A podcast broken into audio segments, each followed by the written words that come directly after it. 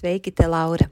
Vai gribi, ka cilvēku jaudas raidieraksts, jeb podkāsts turpinātos ar vēl citām epizodēm par tēmām, kas uzlabo cilvēku dzīves kvalitāti? Ja jā, tad lūdzu palīdzi mums atrast cilvēku jaudas auditorijai piemērotus reklāmdevējus, kuri saprota, cik vērtīga būtu viņu sadarbība ar cilvēku jaudu. Mums tā būtu iespēja sekt regulāras izmaksas, kas saistītas ar jaunu epizožu veidošanu un nodrošināšanu cilvēkiem, lai visiem bez maksas ir pieejama noderīga informācija, kas uzlabo dzīves kvalitāti un palīdz ieraudzīt jaunas iespējas un risinājumus. Ja gadījumā tu esi no reklāmas aģentūras vai tam līdzīga uzņēmuma, tad varbūt tu vari mums palīdzēt ar ieteikumiem un idejām, kā mēs varam sastapt īstos uzņēmumus, kuri būtu priecīgi par sadarbību ar cilvēku jaudu. Mēs meklējam risinājumu, kurā visi iesaistītie ir ieguvēji. Kad apkārtējie jūtas labāk, tad dzīvojam veselīgākā un atbildīgākā sabiedrībā, un jo kvalitatīvāka tad ir cilvēku dzīve. Ja tev ir praktiski risinājumi par to, ko tikko izstāstīju, mēs priecāsimies par tavu ziņu uz info at cilvēkjauda.lv ar informāciju, kā vari mums palīdzēt turpināt šo darbu par to, ko tikko lūdzu. Jā, mēs varam uh, ļoti detalizēti veikt projekcijas nākotnē, likt Excelī, visu rēķināt, bet um, vienmēr tavs plāns atšķirsies no īstās dzīves.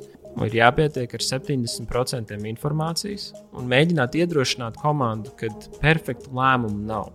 Ja, perfektu lēmumu nav, un tieši tā kustība, tas momentums ir tas, kas bieži um, padara uzņēmumus par veiksmīgiem. Nevis tas, ka mēs te sēdēsim, ļoti ilgi domāsim un atradīsim perfekto lēmumu.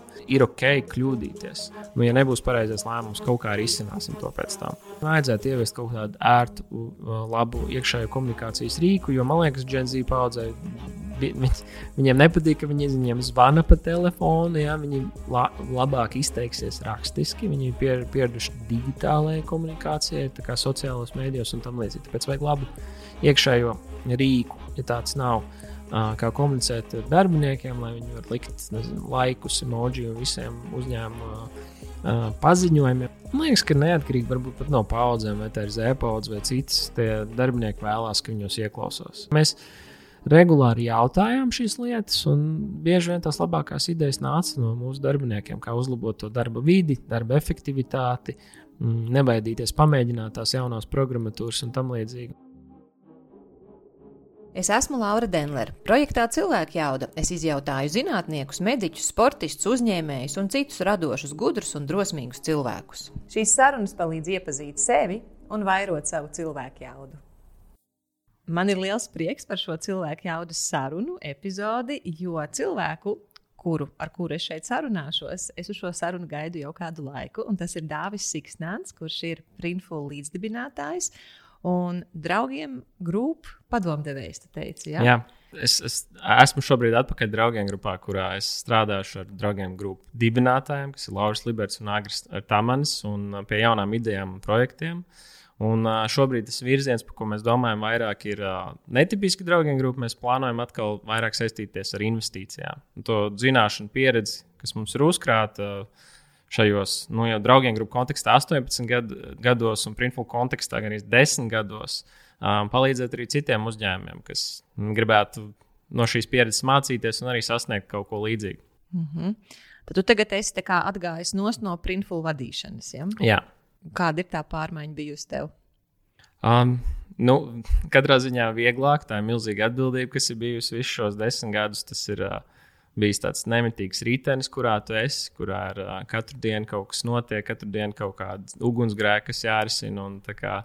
Ir, uh, ir labi atgriezties kaut kādā tādā situācijā, kur nav katru dienu jā, jā, jā, jārisina kaut kāda ugunsgrēka, un arī laiks kaut kādām jaunām lietām un zināšanām. Jūs bijat super fokusēts tikai uz viņa drukas nozari, uz e-komerciju, bet tagad man ir iespēja arī paskatīties plašāk un pētīt arī jaunas nozares. Dažas intervijas mēs filmējām tevis laipni atvēlētās printful telpās, par ko īpaši paldies tev. Tas mums ļoti palīdzēja pagājušajā sezonā.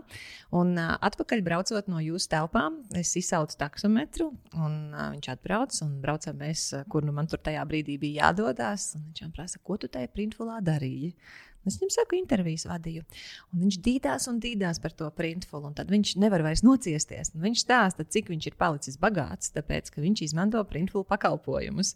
Uh, tas viņš ir iemācījies strādāt, uh, es nezinu pat kā to visu sauc, ar vektoriem, ilustrācijām. Un visu ir mācījies pilnīgi pašmācības ceļā un no nulles. Un, uh, viņam radiniece vai nu māsa, vai nu brāļa sieva apmēram tajā virzienā. Pirmā ir bijusi un to ir atklājusi. Un, un šos darbus, ko viņi publicē, ja nezinu, printē, laikam, vai drukā ar jūsu piedāvātā mēdījā un iespēju starpniecību, viņiem palīdz pelnīt nu, ļoti lielu naudu. Viņš vēl tajā braukšanas laikā, tad, kad mēs apstājāmies, man jākāpj ārā, viņš vēl izvelk telefonu, viņš vēl atver to aplikāciju, kur viņš šos darbus tirgo. Viņš man rāda, cik man naudas ir šodien ienācis, cik man ienāca pagājušā nedēļā. Summas ļoti, ļoti, ļoti iespaidīgas. Patiešām.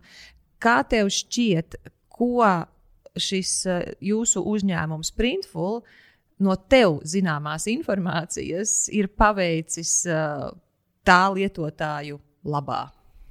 Nu, Tādu lietotāju, ja mūsu klienti ir uh, diezgan daudz. Nu, gadu ietvaros tie ir vairāk simt tūkstoši, kas ir lietojuši Printful. Un, mēs arī uzskaitām, cik daudz tie lietotāji gadu gaitā ir pārdevuši. Un, ja nemaldos, pirms gada ir kaut ko kopējā summa jau pārsniedz vienu miljardu pārdoto produktu vērtības. Tā kā tas sadalās ar daudziem lietotājiem ja, un klientiem. Un ir daži, kas uh, to uztver kā papildus ienākumu avotu, kur viņiem ir pamatdarbs cits, un šis ir vienkārši papildus ienākumu avots, ir izveidojuši dizains un ielikuši kādā tirgoties, piemēram, Amazon un Etsy, un tas iet. Un ir daži arī, kas, kuriem pārsvarā visiem klientiem ir mēģinājums to padarīt par pilna laika ienākumu avotu. Un, ja viņi nu, pārsniedz kaut kādu noteiktu robežu, kas viņiem ir komforta līmenī, ar kuru viņi var dzīvot, tad viņi, tad, tad viņi varbūt arī atsakās no braukšanas ar kā taksometru šoferim un fokusējas uz to. Tiem, kas nezina, kas ir Printful, kā tu parasti iepazīstini ar uzņēmumu? Nu, ir tāda vienkāršā, vienkāršais veids, kā teikt, kā atkarībā no auditorijas. Nu, ja vienkāršais veids, es saku, mēs drukājam tēkļus un ļoti daudz citus drukas produktus internetu veikaliem. Viņu vārdā nosūšam šos produktus pat taisno viņu gala klientiem, ar viņa dizainiem, ar viņa zīmolu, pakas un printfuls tur nekur neparādās. Tas ir tāda vienkāršā ideja, kas ļauj jebkuram cilvēkam ērti sākt savu internetu veikalu. Viņiem Nav jāinvestē dārgās iekārtās, viņiem nav jāir noliktavas, jābūt komandai, kas to visu drukā caur, caur printfulu. Jebkurš, arī šāds individuāls cilvēks kā taksists, var piekļūt tiem nu, augsta līmeņa drukas iekārtām un kvalitātei, un turklāt to visu var darīt no Latvijas un piegādās arī ātri un kvalitatīvi Amerikā. Tā ir tā vienkāršā versija. Un, protams, tur ir arī angliskā sarežģītā versija, kas ir vairāk tendēta uz industrijas profesionāļiem, investoriem. Nu, tur mēs uzsveram tādas lietas, ka mēs esam tur. Uh, vertikāli integrēta kompānija, piemēram. Mēs, jau, jau palika sarežģīti. Jā, nu, tie, tie ir visi tie formāti, kas, kas bija arī nepieciešami, lai piesaistītu investoru naudu. Tur jau tur uh, vairāk uh, balsties uz tiem vārdiem, un teikumiem un trendiem, kurus, kuriem investori pievērš uzmanību. Mans mērķis dāvā šodien ir tevi izjautāt par tām lietām, kas palīdz būt eh, produktīvam, par tām lietām, kas palīdz būt inovatīvam, par tām lietām, kas palīdz uh, sasniegt ievērojumu līmeni attīstībā, par to, uh, kā tu rīkojies, lai tev arī turpmāk ir tavas lielās darba spējas un tā ļoti tāda atvērta pieeja dzīvē, kas, manuprāt, tev ir, bet vienlaicīgi pamatīgi strukturēta. Bet sākumā mums ir jāparunā par um, Printful kā par vienradzi, ar ko jūs esat nopelnījuši šo titulu vienradzis. Un tas ir domāts pozitīvi. nu, tas ir tituls, ko mēs paši sev nepiešķiram. Tas ir tituls, ko uh, piešķir investori. Tas ir lielā mērā saistīts ar investīciju piesaisti. Latvijā ir noteikti arī citi vienradžu uzņēmumi. Vienkārši nav bijis šis ārējais investoru novērtējums. Es ticu, ka uh, Uh, nu, tādi lielie valsts uzņēmumi arī pēc definīcijas varētu būt vienredzi, bet uh, pēc vērtības virs viena miljarda. Tad pašā būtībā vērtība virs viena miljarda ASV dolāru, tie, tas ir vienredzes. Un, lai saprastu arī to kontekstu, jāsaprot, ka pasaulē ir aptuveni vairāk kā 100 miljonu uzņēmumu. Un uh, publiskajos tirgos varbūt ir 5000 uzņēmumu. Un uh, vie, vienradži nu, pasaulē ir ap 1000, 1200. Pēdējos gados viņus palika vairāk, bet tā ir ļoti maza procentuālā iespējamība, ka, ja tu sāc uzņēmējdarbību, pirmkārt, ka tas sanāks. Otrakārt, ja tas sanāk un uzņēmums spēj izdzīvot, tad uh, nu, 1000, uh, 1200 uzņēmumu no 100 miljoniem uzņēmumu pasaulē ir sasnieguši šo statusu. Pirmkārt, tas ir ļoti grūti un, un, un labi, ka mums tas izdevās, bet nevienam nevajadzētu uzlikt mērķi Jo, ja tu uzliec tik augstus mērķus, tad uh, nu, var liela iespēja gadīties, ka to nesasniegs. Bet, um, lai, lai sasniegtu tādu, tādu vērtību, nu, tās ir lietas, uz ko fundamentāli investori skatās uh, uzņēmumā. Bet nu, viens ir apgrozījums. Uh, pagājušajā gadā tas bija 289 miljoni dolāru. Tad ir jābūt diezgan lielam apgrozījumam, uh, lai es varētu nu, nopelnīt šo statusu. Bet uh, investori vienmēr ir skatās uz nākotni. Viņi vienmēr skatās nākotnē. Tāpēc tas neskatās tik daudz, kur uzņēmums ir šobrīd. Uh, viņš šo vērtību piešķir ar skatu nākotnē. Tad tā ir nozare, nu, kurā mēs atrodamies. Tā ir e-komercija, tā ir uh, pieprasījuma druka. Tā lielākā nozara varbūt ir vispār ražot lietas pēc pieprasījuma. Nevis uh, pasūtīt kaut ko lielā apjomā, un viņš nāk tur trīs mēnešus no Ķīnas, bet uh, ražot tuvu patērētājiem. Uh, un tikai tad, kad kāds kaut ko nopērk. Tas arī, arī labāk dabai, un tas ir liels trends gan apģērba nozarē, gan vispār ražošanā. Un tā nozara aug un attīstās, un, un investori vēro šo attīstību un vēlās atrast uzņēmumus, kur ir līderi šajā nozarē. So arī tas bija viens liels aspekts Printful uh, vienreiz stāstā, ka mēs bijām līderis šajā uh, nozarē, nišā, kas auga. Un, uh, jā, jā, tieši mūsu subnišā mēs bijām vis, vislielākie, un tāpēc arī tas palīdzēja mums uh, iegūt šo statusu. Bet arī tas, kas investors darīja lielā, vairāk komfortabls, ir ar to faktu, ka arī bijuši drukas nozarē iepriekš uzņēmumi, kas ir spējuši sasniegt tādu apgrozījumu. Tā ir tāda augstā līmeņa, kā viņi skatās, bet, protams, tur ir uh, uzņēmuma peļņas rādītāji, komanda vai kas inovatīvs. Vai, Vai uzņēmumam ir kaut kāds, kā saka, aizsargāvis, uh, angļuiski saka, mout. Tas ir aizsargāvis, mout ir tas kas, grāvs, kas pilnībā. Respektīvi, cik ļoti šis uzņēmums var aizsargāt savas pozīcijas kā līderis. Vai nebūs atnāks kāds cits, kuram ir varbūt pat vairāk naudas, un viņš varēs viņu izkonkurēt. Un, uh, Tie ir ļoti daudz dažādu faktoru, kurus uh, vērtē investori. Un, bet uh, visu vairāk, tur ir desmit faktori, bet visu vairāk, vissvarīgākais ir tieši uzņēmuma izaugsme. Jo augstāka izaugsme, jo labāka, uh, jo lielāka iespējamība, ka uh, tavam uzņēmumam būs augsta, augsta vērtība un novērtējums uh, no investoriem. Tā kā izaugsme ir pirmā lieta, un visus šos gadus mēs arī uz to koncentrējāmies, uh, um, lai, lai, lai arī. Nu, Pirmkārt, arī tas arī visu uzņēmumu šo koncentrējas, bet arī tas palīdzēja uh, to statusu sasniegt. Pirmkārt, no sirds apsveicu ar šādu sasniegumu un arī ar to tālāko, ko jūs pat labi plānojat un uz ko jūs ejat. Arī tur rīkšķus, lai jums tas izdodas, jo tas ļoti iedvesmo. Tas iedvesmo arī pārējos, un man liekas, arī tādai latviešu pašapziņai tas ir ļoti veselīgi. Tas, ko jūs darat savā pusē, un man liekas, tas paver iespējas tādai plašākai domāšanai par to paldies. Un vienlaicīgi, tad, kad tīns, piemēram, ļoti strauji aug, tad uh, radās kaut kādas bīstamības, radās arī kaut kādas problēmas. Un tur zinu, muskuļi sāp, vai krampji rauj, vai uh, skeleta ziņā ķermenim sev varbūt ir grūtāk noturēt. Kas ir tās grūtības, ar ko jūs saskārāties tieši dēļ tā, cik jūs attīstījāties? Tur bija virkni grūtības, bet tā kā mēs esam vertikāli integrēts uzņēmums, tad tev tagad vajadzēs paskaidrot, kas jā, tas ir. Jā, jā? Tas, tas nozīmē, principā, ka uh, mēs ne tikai savienojam interneta veikals ar, ar uzņēmumiem, kas var drukāt, mēs paši arī drukājam. Mums pašiem uh, operējam un um, pieder šīs ražotnes, kurās mēs operējam. Uh, tas mums dod tādu iespēju nodrošināt augstāku kvalitāti. Klients pirms mums atnāk, viņš sūdzās, ka uh, Mm, kaut kāda problēma bijām ar apdruku. Un tā vietā, lai mēs ietu pie mūsu tīkla ražotājiem un mēģinātu to risināt un, un saņemt novēlēt atbildes, mēs paši varam to risināt. Mēs paši varam inovēt arī ražošanas procesā. Bet to, tas nozīmē, ka uh, mums šīs ražotnes uh, ir jāveido, un, un tas ir viena no grūtākajām lietām, kad tu ražot nevari kā internetā ieslēgt jaunu serveri, ja, ieslēdz, un viņš tev vakarā iet un ir, bet ražot, tu veido vairākus mēnešus priekšu. Tu atrodi valsti, vietu, dažādus izvēlēs no dažādiem noliktavām, kur būs labā plāno loģistika un tam līdzīgi.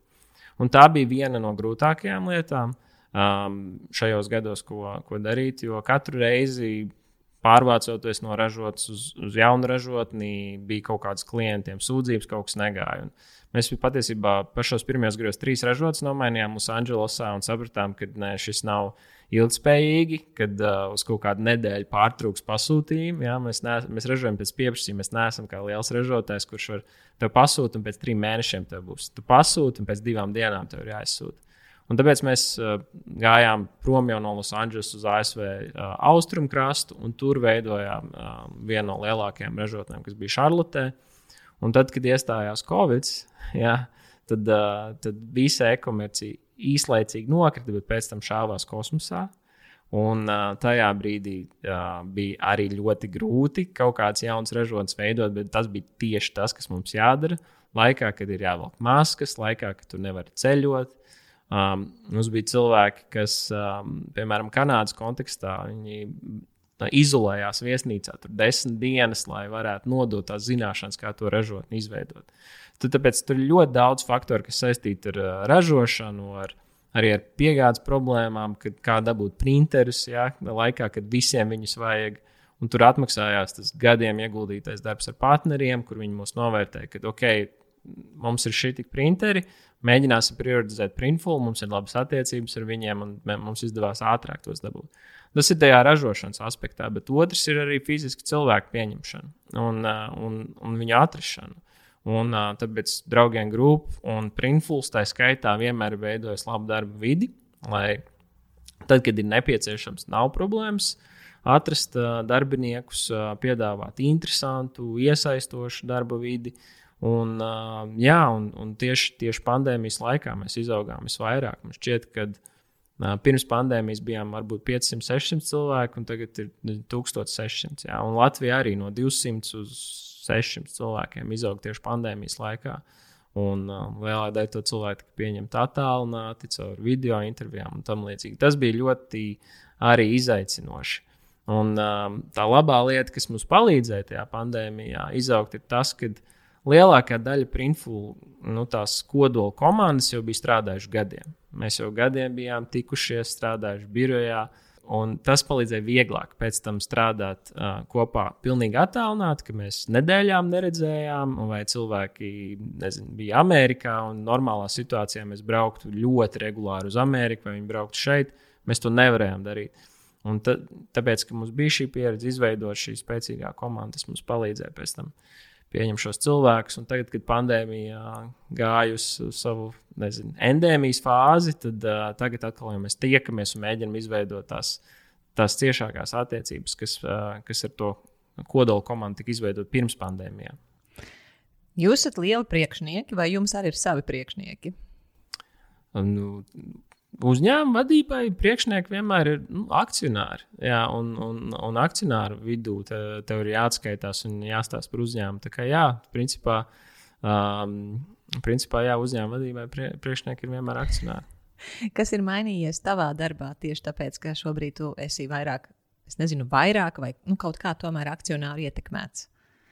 Nu, Atkarībā no tā, kāda ir akcionāri. Ir eh, droši vien dažādi akcionāri, kas ir mazāk iesaistīti, vairāk iesaistīti, um, um, ļoti grib palīdzēt uzņēmumam vai grib atkal noteikt to virzienu.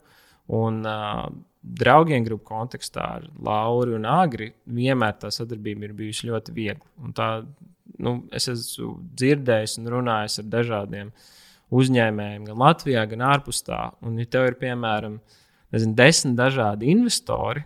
Mm, nevien tev uh, viņi visi ir jāvada un jāmenedžē kaut kādā veidā, bet reizē viņi paši savā starpā sāk plēsties. Ja? Tas rada milzīgas problēmas, un tas ir, tas ir nu, novērš uzmanību uzņēmuma vadītājiem no tām lietām, ko es teicu, ko vajag koncentrēties, izaugsme, māržas komandas un tam līdzīgi. Tāpēc, uh, uh, tāpēc tas bija viens no iemesliem, kāpēc arī Printful tik ļoti ilgi gaidīja, līdz piesaistītu investoru, jo mums bija ļoti ātra viegla lēmuma pieņemšana. Bija ļoti laba sadarbība ar Lauru un Agri. Uh, viņi uzticējās uzņēmuma vadībai, uh, un, un viņiem pietika saņemt uh, regulāras atskaites, tur e-pastā, vieglā formātā, un viņi 15 minūšu laikā var uzzvanīt tev vienā dienā, iečkoties par kaut kādām galvenajām lietām, un viss notiek. Protams, tad, kad ienāk investors, tev tas viss aiz, aiziet vairāk formālāk un ir, ir valdes sēdes, kurām ir ļoti jāgatavojas, bet tas ir viss normāli un tas ir uzņēmuma dzīves cikls, um, kas, kas notiek. Un investors, protams, cenšas pielikt savu savu vērtību, savas zināšanas, veikt kaut kādas iepazīšanās ar citiem un tam līdzīgi. Bet, lai mēs piesaistījām investīcijas, es arī vēlējos piesaistīt vienu investoru, nevis ļoti daudzus, jo man bija uztraukums, kā būs menedžēt ļoti, ļoti daudz cilvēkus, un, un jā, lai viņi savā starpā nestrīdās, un, un, un, un katram ir dažādi virzieni, uz kur virzīties, un es nevēlējos to. Tāpēc mēs gan piesaistījām naudu vēlu, gan arī piesaistījām pēc tam no viena investora. Kā tu to dabūji gatavu? Nu, minētie faktori. Tur, tu jādara, tu negribi būt situācijā, ka tev uh, naudu nu, vajag, lai izdzīvotu, piesaistīt. Ja? Un, Uh, es domāju, ka investori ir jūt, ka tu esi tāds tā izslāpis, ka tev nav variantu, tev vajag piesaistīt to naudu. Printfuls bija tādā ziņā privileģētā pozīcijā, kurā mēs varējām arī turpināt strādāt bez investīciju piesaistes. Bet, protams, piesaistot investīcijas, kaut kādas lietas, kaut kāda attīstība varēja notikt ātrāk. Un domājot par uzņēmumu ilgtermiņā, mēs vienmēr zinājām, ka būs investīcijas kaut kādā brīdī. Un tas brīdis bija 8. gadā, un uh, un pandēmijas laikā, un arī vēl viena lieta, runājot par, par vienredzi, mēs arī mums bija šie piedāvājumi ļoti daudz arī iepriekš. Bet uh, tīpaši arī 2020. gada beigās, nu, kad pandēmija jau bija sākusies, visi redzēja tos efektus, ko tas nozīmē e-komercijai. Bet um, es speciāli gaidīju, ka 2020. gads būs pabeigts, būs pilnie finansu dati, lai varētu investoriem to pilno paku prezentēt. Un, uh, tādējādi nedaudz optimizējot par to mēķi, kas bija kaut kur tur aizmugurē. Nu, ka varētu būt tas varbūt pirmais vienredzes no Latvijas, lai nav tikai Igauniem un Lietuviešiem, jā, bet arī pirmais no Latvijas. Un, tas arī strateģiski no tāda um, laika, laika bija izdomāts tajā brīdī piesaistīt. Bet um, nu, mēs bijām tik lieli, ka mēs arī piesaistījām profesionāļus. Mēs nedarījām vieni paši to. Um, um, neorganizējām visu procesu paši. Mums jau bija trīs gadus uh, attiecības ar investīciju banku no Ņujorkas, tāda Rothschild banka. Uh, operē gan Ņujorkā, uh, gan Eiropā. Oriģināli viņi ir no Rothschild ģimenes, ja, no Eiropas ģimenes, bet viņi ir viņi tieši tādā lielā līmenī, nu, 50 miljonu vai vairāk, palīdz uzņēmumiem piesaistīt investīcijas. So viņi palīdzēja organizēt to procesu, um, iepazīstināt ar investoriem. Mēs aizsūtījām viņiem mūsu kontaktlisti, viņi pielika savējo. Un uh, to visu izdevās organizēt pilnībā online vidē. Uh, normālā situācijā mums to pašu darot, mums būtu jālido uz Ameriku, jālido no visām lielajām ASV pilsētām, Dallas, Losandželos, Ņujorka. Uh, tu aizlido uz pilsētu, pasēdi tur tikai uz vienu tikšanos, varbūt pusstundu, 50 minūtes. Tā vietā mēs to varējām izdarīt, nezinu, sēžot birojā Rīgā. Un, jā, viena stunda viens investors, desmit minūšu pauzes, otrs investors. Un, un tā tā uz rīņķa un bez visām tām lidošanām. Tā kā es ceru, ka arī nākotnē tieši tā tiks organizēta. Nu, vismaz pirmās iepazīšanās ar investoriem. Un skaidrs, ka kaut kādā brīdī ir jāsatiekās. Mūsu investors arī atbrauc pandēmijas laikā. Uh, uz Latviju, dabūjot tur īpašu atļauju, ka drīkst iebraukt uh, no. Man liekas, Latvijā, jā, Lijā viņiem piešķirt to atļauju. Ir vienā brīdī jāsteigās, bet lielākā daļa bija darīts uh, elektroniski. Nu, es atceros arī, ka uh, no daudziem no tiem investoriem es iepazinos, kad uh, arī šie investīciju fondi, kas bieži menedžē multimiljardus, nu, daži tur nezinu, 10, 20 mm. miljardu in, investīciju kapitāls, viņi arī strādā no mājām. Tur fonā varēja redzēt, ka viņiem uh, dzīve jā, no ģimenes staigā, bērni staigā. Un, un tas arī tā forši parādīja, ka neskatoties, ka viņi menedžē miljardus, viņi arī ir cilvēki. Ritīgi laba pieredze, patiešām. Tu minēji, ka tagad, kopš tu esi at, nu, nevis atkāpies, bet vienkārši nu, pagājis malā no tiem ļoti tekošajiem darbiem, ka atšķirība ir tāda, ka tev nav jānodarbojās tik daudz ar ugunsgrēku dzēšanu. Kas ir tās lietas, ko jūs uzņēmumā darījāt pēc tavām domām vērtīgi un veiksmīgi arī, lai ugunsgrēku daudzumu samazinātu caur ugunsdrošību. Es ļoti priecātos par konkrētiem piemēriem, lai arī citi uzņēmēji var aizdomāties savā dzīvē, gan esošie uzņēmēji, gan arī topošie uzņēmēji par to, kā šīm lietām laicīgi pievērst uzmanību. Kas bija iepriekš jūsu lielie ugunsgrēki vai nepatīkamie ugunsgrēki, kas ļoti bieži paņēma vai tavu vai citu kolēģu uzmanību, un kā jūs tos pārvērtāt par ugunsdrošību, lai tie nenotiek? Lūdzu, konkrēts piemērs. Man būs jāpadomā, bet es domāju, liela daļa no tā viss sākās atr atr atrodot pareizos cilvēkus. Um, cilvēks, kas visu laiku nejautās pa organizatorisko ķēdīti augšā, ko man darīt, ko man darīt. Viņi būs apjukuši, un, un uh, mēs ļoti daudz laika ieguldījām uh, labu cilvēku atrašanā. Un, uh, viens no stūrakmeņiem, labu cilvēku atrašanā, mums bija um, tāda mācības, kas bija grāmatā ko sauc The Who, The Method of Hiring. Un tā bija grāmata pārsvarā vadības locekļu atrašanā, bet mēs viņu pielietojam arī vidējai vadībai un arī, tur, uh, arī nu, dažādām lomām. So, tā bija viena lieta, ko mēs izmantojām. Tur ir konkrēti jautājumi, ko tu jautā, kurā intervijas procesā tu atrod cilvēkus, kas ir labi atbilstoši spējīgi. Un mēs uh, vienmēr Eh, ja vien pozīcija to atļāva, ņēmām cilvēkus ar uh, mācīšanās kultūru, intervijā jautājot, vai viņi vispār kaut ko lasa, vai viņi klausās podkāstus, uh, seko līdzi, nu, ka, viņi, ka viņi nav inerti un ļoti komfortabli tajā pozīcijā, kur viņi būs. Jo viņiem atnākot uz uzņēmumu, kas ir tehnoloģija nozarē un strauji aug, tev ir visu laiku jāpaprasa tavs apvārsts un tam līdzīgi. So mēs meklējam tādus cilvēkus uh, pirmām kārtām. Un, uh, nu, izņēmumi varbūt bija pozīcijas kā juristi un, un tādas lietas, tev ir jābūt izglītībai. Bet lielākoties mēs devām priekšroku tiem cilvēkiem, kas ir gatavi mācīties, apgūt jaunas lietas. Un kāpēc jums tas bija svarīgi? Un, es domāju, tā bija. Nu, Personīgi es tā skatos arī uz lietām, strādāju draugiem grupā jau no 18 gadus. Man nebija nekāda pieredze sākot, bet es domāju, viena lieta, kas man bija, bija nu, lasīšanās, vēlme, kultūra. Un, ja es kaut ko nezinu, es vienmēr atvēršu Google vai atradīšu pareizo grāmatu. Un, un es gribēju, lai mums apkārt ir tieši tādi paši kolēģi. Jo tad, kad tu sāc savu jaunu uzņēmumu, sākumā viss ir ģenerālisti. Nu, tikai neviens nav speciālists, un tad tu vēlāk veido speciālistu. Un, un virkni cilvēku, ir vadības komandā, nu, no ģenerālistiem kļuvu par speciālistiem. Un man bija svarīgi, lai viņi lasa, lai viņi apgūst uh, lietas un izveidojas par šiem speciālistiem. Un varbūt šajā stadijā mēs aizvien vairāk ņemam superspeciālistus, bet uh, pašā sākuma stadijā nu, līdz kādiem tiešām simts cilvēkiem varēja, varēja strādāt ar uh, ģenerālistiem. Un arī vēl viena lieta, kas no tāda darbā pieņemšanas palīdzēja man, kad nu, varbūt diezgan ilgi es novilku no tā, kas bija vienīgais vadītājs. Vienā brīdī biju 20 cilvēku vadītājs pašā sākumā. Bet tas, kas man palīdzēja vēlāk, tas, bija pirmais klientu servisa cilvēks, pirmais mārketinga cilvēks, pirmais uh, programmēšanas daļas vadītājs, man bija vieglāk pēc tam pieņemt tos cilvēkus, jo es um, labāk sapratu to darbu, kas viņiem būs jādara.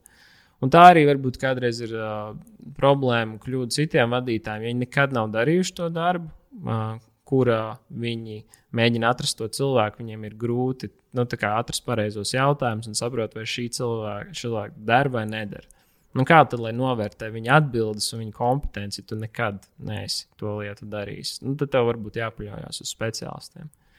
Bet, um, nu, ejot atpakaļ uz uh, uh, tādām ugunsdzēšanām, viens ir arī lēmumu pieņemšanas ātrums.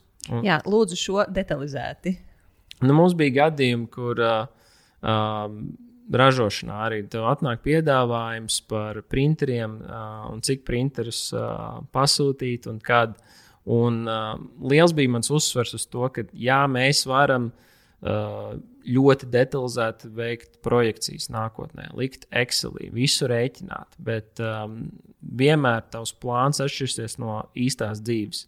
Un tāpēc uh, komandā uzsverots, teica, ir jāpietiek ar 70% informācijas, Šis ir arī uh, lieta, ko, kas ir pastāv Amazon kultūrā, ko Jeffs Bezos ir arī uh, kultivējis, kad uh, ir svarīgi um, neapstāties, nedrīkst nonākt situācijā, ka netiek pieņemts lēmums.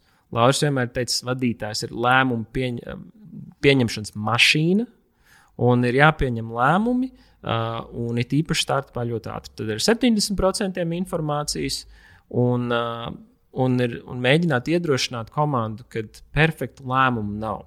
Ja, perfektu lēmumu nav, un tieši tā kustība, tas momentums ir tas, kas bieži um, padara uzņēmumus par veiksmīgiem. Nevis tas, ka mēs te sēdēsim, ļoti ilgi domāsim un atradīsim perfekto lēmumu. Tāpēc um, izpēta ir, bet ir uh, bieži intervijās nu, mēģinām pateikt, nu, kādi ir nākošie soļi vai kāds ir lēmums. Mm -hmm. Un, jā, nu, uzņēmumā ne, ne, mums nebija gluži holokrātija un demokrātija, ka lēmums tomēr bija jāpieņem vadītājiem. Un, un es mēģināju audzēt viņos nu, to kompetenci, to, mm, to arī to pārliecību par saviem lēmumiem un spējām. Un arī nu, ir, ir ok kļūdīties, un bija kļūdas. Un, uh, un tas gāja cauri arī ar to, ka vadītāji pēc tam viņus atzina, atzina kļūdas. Bet, lai jau tāds konkrēts piemērs grūtāk atcerēties, bet tieši nu, spiešana uz ātrāku lēmumu pieņemšanu, ja neplānojam šeit mūžīgi pērkam. Jā, šī varbūt nebūs tā visideālākā lokācija, varbūt ražotnē, bet šobrīd mums tiešām vajag jaunas ražotnes, mums vajag tās iekārtas, un, nu, ja nebūs pareizais lēmums, kaut kā arī izsināsim to pēc tam. Ja mēs to nebūtu izdarījuši, nu, tad mēs vispār nevarētu izpildīt pasūtījumus tajā laikā, kad tas ļoti pieauga pandēmijas laikā un tam līdzīgi. Man te jautājums ir, izklausās jau ļoti skaisti, lai mēs ātrāk pieņemam lēmumus, bet tas, kas cilvēks, protams, kā attur, ir bailes, cik tie nepareizie lēmumi maksās. Tāpēc padalies lūdzu ar savu pieredzi par to, tad, kad pieņēmāt lēmumus, kas vēlāk izrādījās jums neizdevīgi, nu, cik, cik sāpīgi tas bija naudas ziņā. Vai arī varbūt tās kādās citās uh, sāpēs, ne tikai naudas. Bet sāksim ar naudu.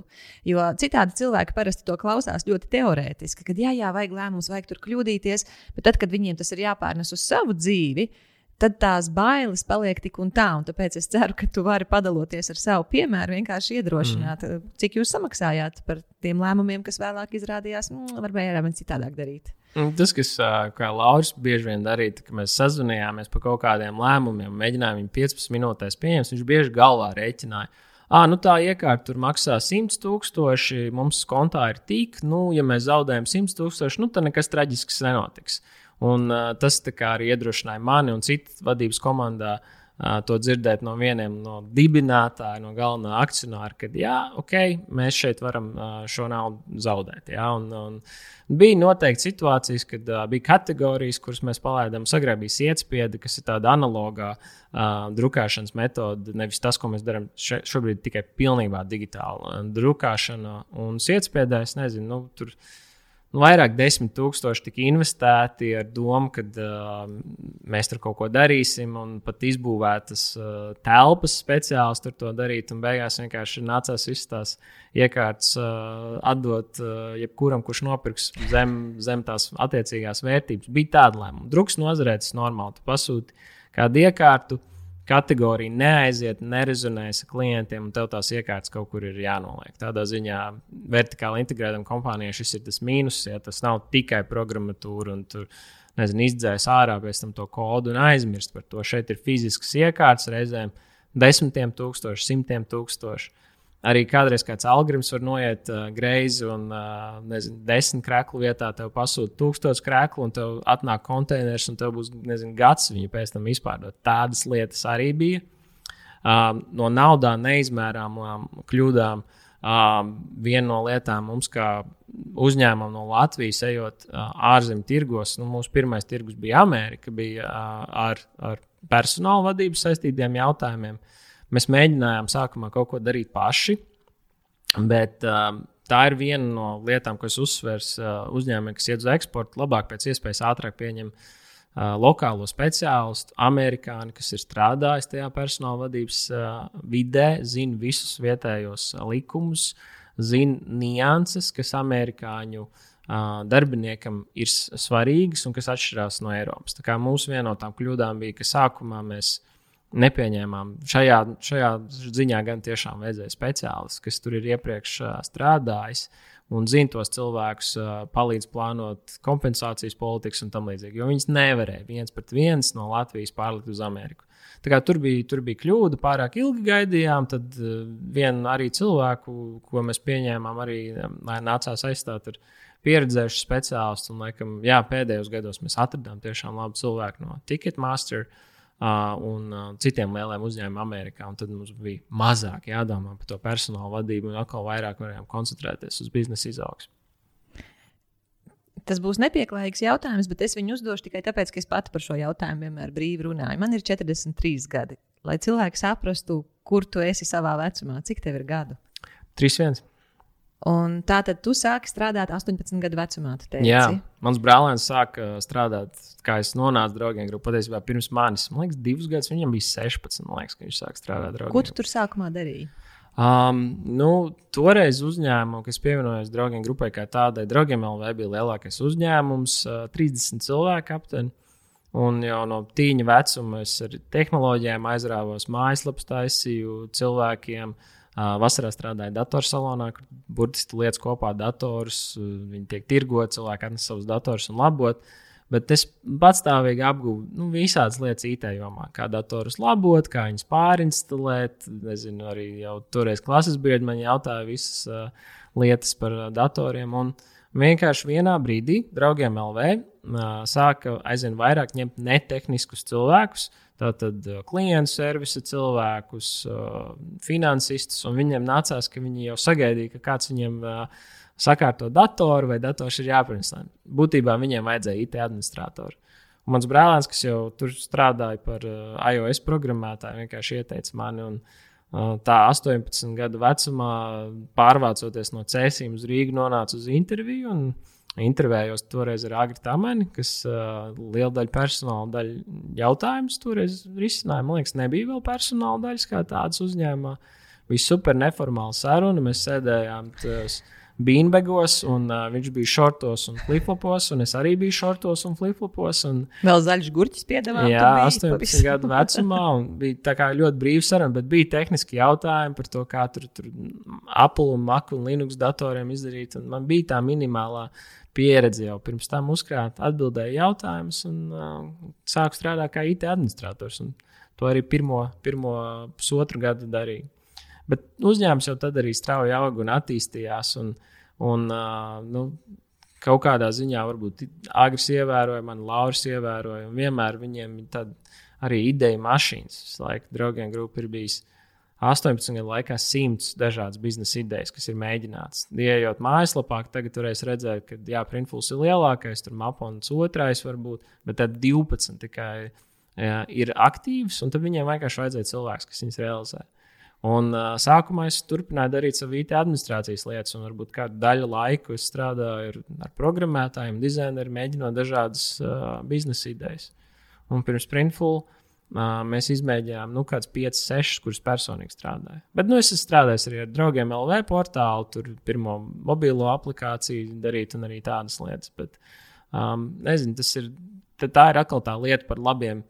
Um, kolēģiem, šeit, šajā gadījumā founderiem, īpašniekiem, kā Lauris un Agris. Jo toreiz nu, man bija 18, tad nākamajos gados, kad Printfuls sākās 21, 22, 23. Ja, ļoti netipiski tik jauniem cilvēkiem dot uh, iespēju, un par to jāpateicas tai vidē, ko uh, um, izveidoja Lauris Nāgas pirms, uh, pirms es uh, biju. Nu, viņa jau bija tā vide tur, un es atceros, jau 18 gadu vecumā es zināju, ka like, tā ir tā darbieta, kur es gribētu strādāt.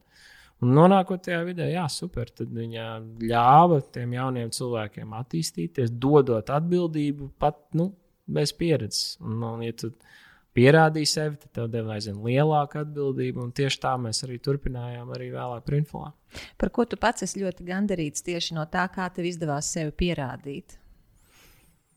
Nu, es, man, mums noteikti bija arī kaut kādas nesanākšanas. Ir po, projekti un biznesi, kas galīgi neaizgāja. Mēs tur ieguldījām uh, pusgadu vai vairāk. Uh, Tā kā nebija vienmēr perfekta, bet tajos projektos, visos, kuros es darbojos, es vienmēr centos nodrošināt kvalitāti, uz detaļām vērsts.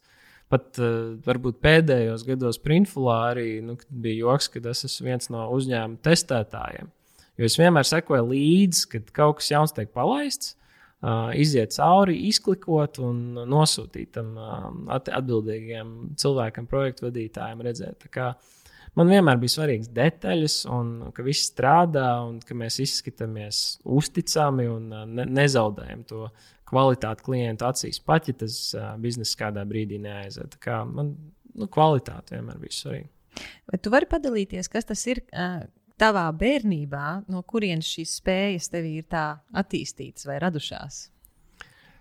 Nu, pa kvalitāti es nezinu, bet es zinu, ka jau bērnībā man, kā, man mamma ir bibliotekāra, un viņa vienmēr jau no agra vecuma nesa mājās dažādas grāmatas, ko lasīt.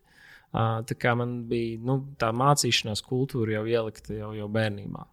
Lasīt, un sākotnēji, kad vēl nebija mājās pieslēgts internets, tās bija kaudzēm grāmatas, ja? bet pēc tam, kad bija internets, nu, tad jau tur ir nelimitēts nezinu, apjoms ar informāciju. Es atceros, ka man sākumā bija dators, pat nebija internets. Un es, man māte strādāja bibliotekā, bibliotekā bija internets. Es gāju uz to biblioteku, diskutēs vai diskos lādēju kaut kādu informāciju no interneta, un pēc tam to nezinu, procesēju mājās pie datora, kuram nebija internets, iemācoties to visu. Kā, Jā, bērnībā tā bija vienkārši mācīšanās kultūra, un arī vecāki nenorādīja, ka tev ir jāiet, piemēram, šajā nozarē, jo es gribu, ka tu ej tajā nozarē. Vienkārši, ja viņi, man bija kāda interese, tad viņi man ļāva uh, to interesi nu, audzēt un uh, apkalpot. Um, piedāvājot grāmatas, un vēlāk, ja, protams, bija internets, es pats visu atradu. Mm -hmm. Kas ir tās grāmatas, jeb tie informācijas avoti, kas tavuprāt ir spēlējuši lomu tajā cilvēkā, kas tu esi pat labam?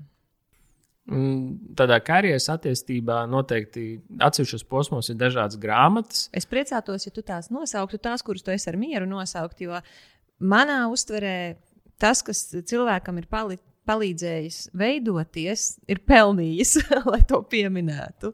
Jo var nodarīt vēl arī citiem. Jā, nu, um, nu, viena grāmata, kuras neesmu jau pārlasījis kādus gadus, bet bija ļoti svarīga karjeras sākumā, bija tā bija grāmata, kas saucās Rework. Uh, viņu ir sarakstījis uh, Davids Hainemers Hansons un Jasons Frīds. Viņi ir uh, tādi uzņēmumi Basecamp dibinātāji. Un, un es visus šos gadus arī esmu lietojis Basecamp projektu vadības rīku. Bet, uh, uh, tā grāmata, nezinu, viņi arī minēja, ka sākumā viņi sarakstīja 600 lapas, un tad uh, rediģēja, rediģēja līdz nonāca pie kaut kādiem 200 ar kaut ko lapām. Un tur, tur burtiski divās, trīs lapās ir kaut kāda uh, ziņa par to, kā strādāt. Un man saucās Revolta, tāpēc ka tas bija pret to nu, vispār pieņemto veidu, kā cilvēki organizē savus darbus un domāja par darbu. Dažādi, dažādas lietas no tās grāmatas, bet viena no lietām, piemēram, kas ir ļoti svarīga mūsdienu laikmetā, kad cilvēks strādā attālināti, ir par to, ka ka tu nevari izlemt, kuru cilvēku pieņemt darbā, vienmēr izvēlēties to, kurš ir labāks rakstītājs, nu, writer. Jo spēja izteikties uh, rakstiski norāda uz uh, nu, domu, skaidrību, tīrību. Un ir īpaši asinhroni strādājot, kad cilvēks strādā dažādās laika zonās. Um, labāk izvēlēties tos cilvēkus, kas spēj izteikties rakstiski, jo nevar vienmēr sanākt uz tikšanām un, un tam līdzīgi. Un tā bija viena no, no daudzām ziņām uh, tajā, tajā grāmatā. Un, Un arī vispār uh, viņiem izdeva vēl divas citas grāmatas. Viena, kas saucās Remote, The Office is Not Required. Jā. Un to viņi izdeva vēl pirms pandēmijā. Mm -hmm. Un viņa pat pirms pandēmijas uh, kontekstā, kad viņi ir uzrakstīti, viņi ir ļoti relevanti un ļoti labi rakstīti par to, kā organizēt darbu attālināti, jo viņi arī ir hibrīda organizācija, vienmēr bijuši. Un uh, pēdējā grāmata, ko viņi izdeva, ir Doesn't Have to Be Crazy at Work. Un tā runā par nu, jā, darba un dzīves harmoniju, kad nevajag šo kultūru, ka tur pārstrādājies un tur strādā 12 stundas dienā. Kā, tas, ir, tas ir viens autors, kuram arī tagad sekoja gan LinkedIn, gan Twitter. Un, un, un viņu zināšanām man ļoti rezonē. Es ar visu nepiekrītu, bet viņa domas man ļoti patīk. Tad jau grāmata par the Method of Hiring.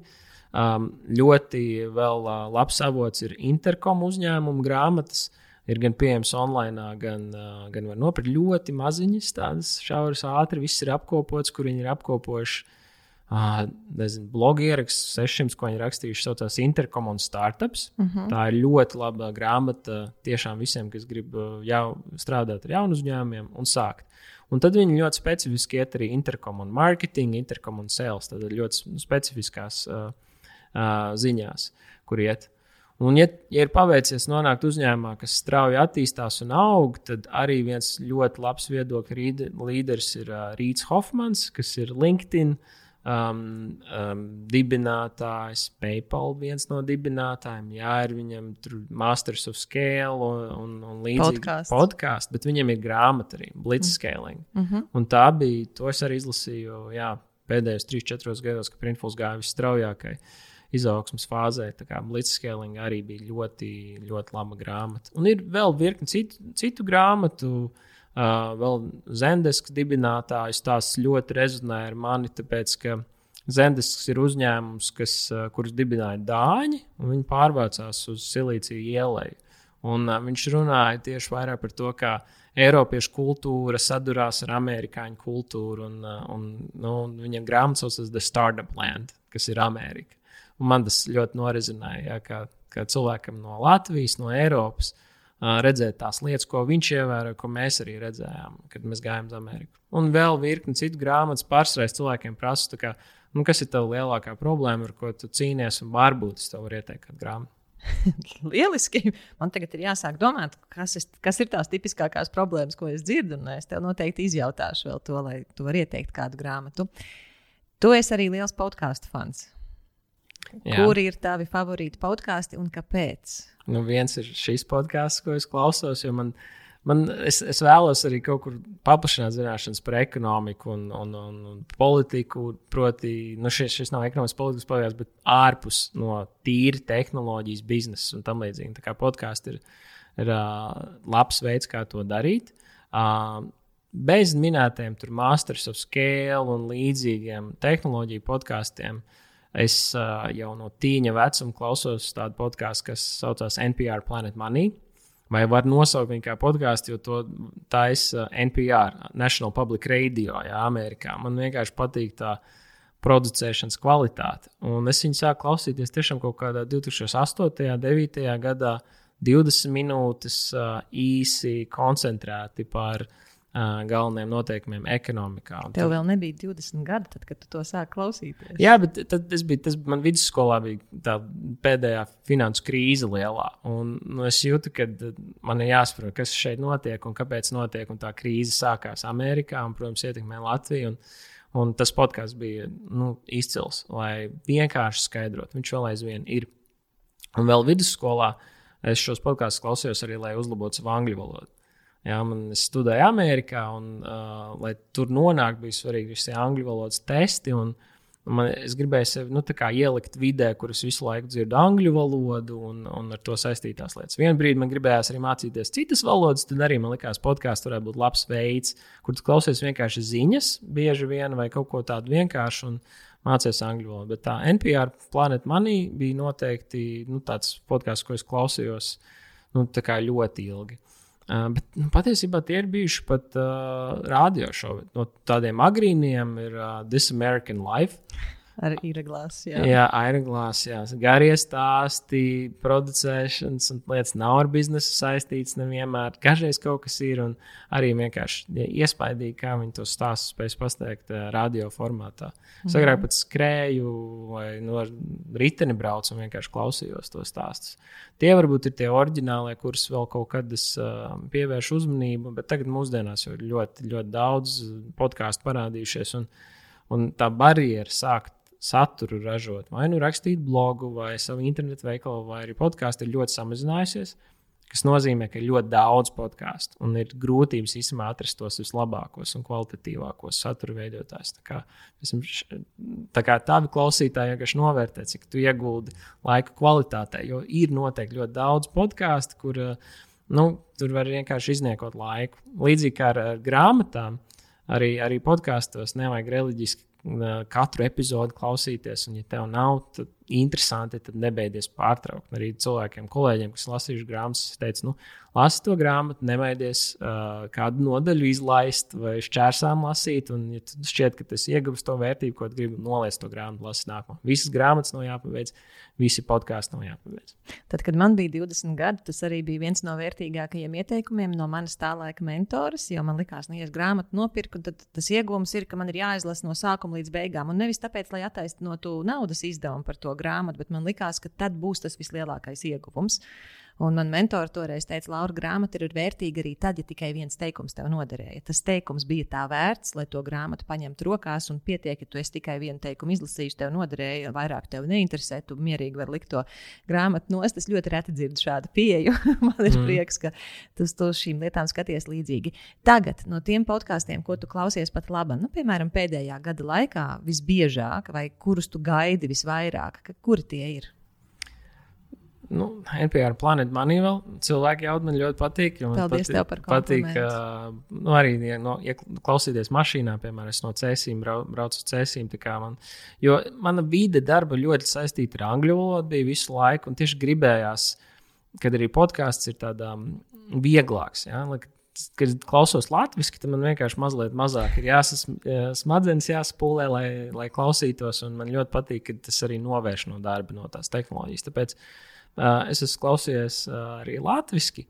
Man bija arī, arī super viegls uh, saturs. Uh, podkāsts bija vaļā, ko es šaubos, ka da, cilvēki jau tas klausītāji ir. Ir, klausas, ir kas fano, patiešām, tad, kad es pārjautāju, ko jūs klausāties, bija bija vaļā. Jā, jā nu, tur bāliņš un uh, arī zināms, kaut kad uh, neformāli bijuši kopā kaut kas ir darīts. Uh, Bet, nu, jā, man viņa podkāsts ir ļoti palīdzējis atslēgties, un es esmu bijis pat arī uz uh, dzīvajiem ierakstiem, divreiz bijis vaļā.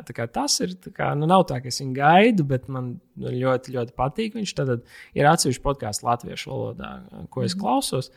Um, bet, nu, angliski, protams, tie arī tie, kas jau ir bijuši. Tie Tim Ferris, How I Build This, un tie ir tie fundamentālie podkāsti. Un, un bieži arī tagad, kad Spotify un citās platformās podkāstos var ierakstīt konkrētu cilvēku, kuram varbūt grib noklausīties vairākas intervijas. Tas dara tieši tāpat. Jā, jo tieši nu, tāpat. Nu, piemēram, par uh, kaut kādu brīdi es kaut ko vairāk klausījos arī par attiecībām. Estera Perela. Mm -hmm. ja?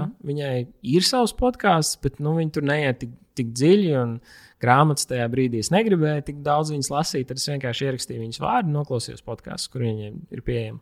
Jā, viņa ir fenomenāla. Tajā arī kā viņa runā, kā viņa redz pasauli, viņas valodas, tev piekrīt. Jā. Jā. Arī man bija tāda fāze, kur es ļoti daudz patērēju Perelu, tāpēc ka uh, daudz kas norezonēja. Nevis tāpēc, ka varbūt tas būtu aktuāls manā dzīvē, bet tas palīdzēja arī citus cilvēkus labāk saprast un ieraudzīt uh, iespējas. Kas vēl?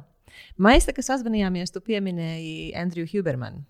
Jā, tas, tas arī pēdējā laikā, arī es pat neatceros, kurus at, atradu. Man liekas, ka Tims Ferris ieteica kaut ko Bet uh, man, uh, man patīk arī atsevišķas tēmas, ļoti daudz dažādas tēmas, bet ceļu cauri, kuras tēmas ir man aktuālas. Protams, jā. ka es tev tagad prasīšu, kuras tēmas tevi interesē tieši nevis tāpēc, vai tev tās ir vai nav aktuālas, bet kuras tēmas tu uzskati par vērtīgām šajā podkāstā klausīties. Man, Huberman. viņam bija virkni lietas, kas bija saistītas nu, ar trauksmi, zaiti, miegu un, un kā viņš, nu, viņš ar to cīnās. Un tas, kas man visvairāk uz, uzrunāja, bija kur viņš runāja un nosauca dažādus pētījumus par dažādiem uzturbagātnājiem, kas, kurus var lietot, kādi ir efekti. Un, un ļoti, vienkārši ļoti daudz internetā ir satura, kur, kuram tu nevari uzticēties. Un cilvēkam, kas uh, ir profesors Stanfordā, uh, gribētu teikt, ka jā, viņa, viņa ieklausītajā var uzticēties, un viņš bieži arī tajos podkāstu piezīmēs lika atsauces uz tiem pētījumiem, Jā. kur tu vari pārbaudīt un cross-referencēt, vai viņa um, informācija ir laba. Bet es burtiski gāju vienkārši cauri viņa uh, podkāstu sarakstam, kuras tēmas ir. Man pievienojām, klausījāmies. Uh, tas bija jā, saistīts ar veselības jautājumu, miegs, trauksmi, kā samazināt tehnikas, kā viņš optimizē. Um, jā. Mm -hmm, forši. Pārdošana.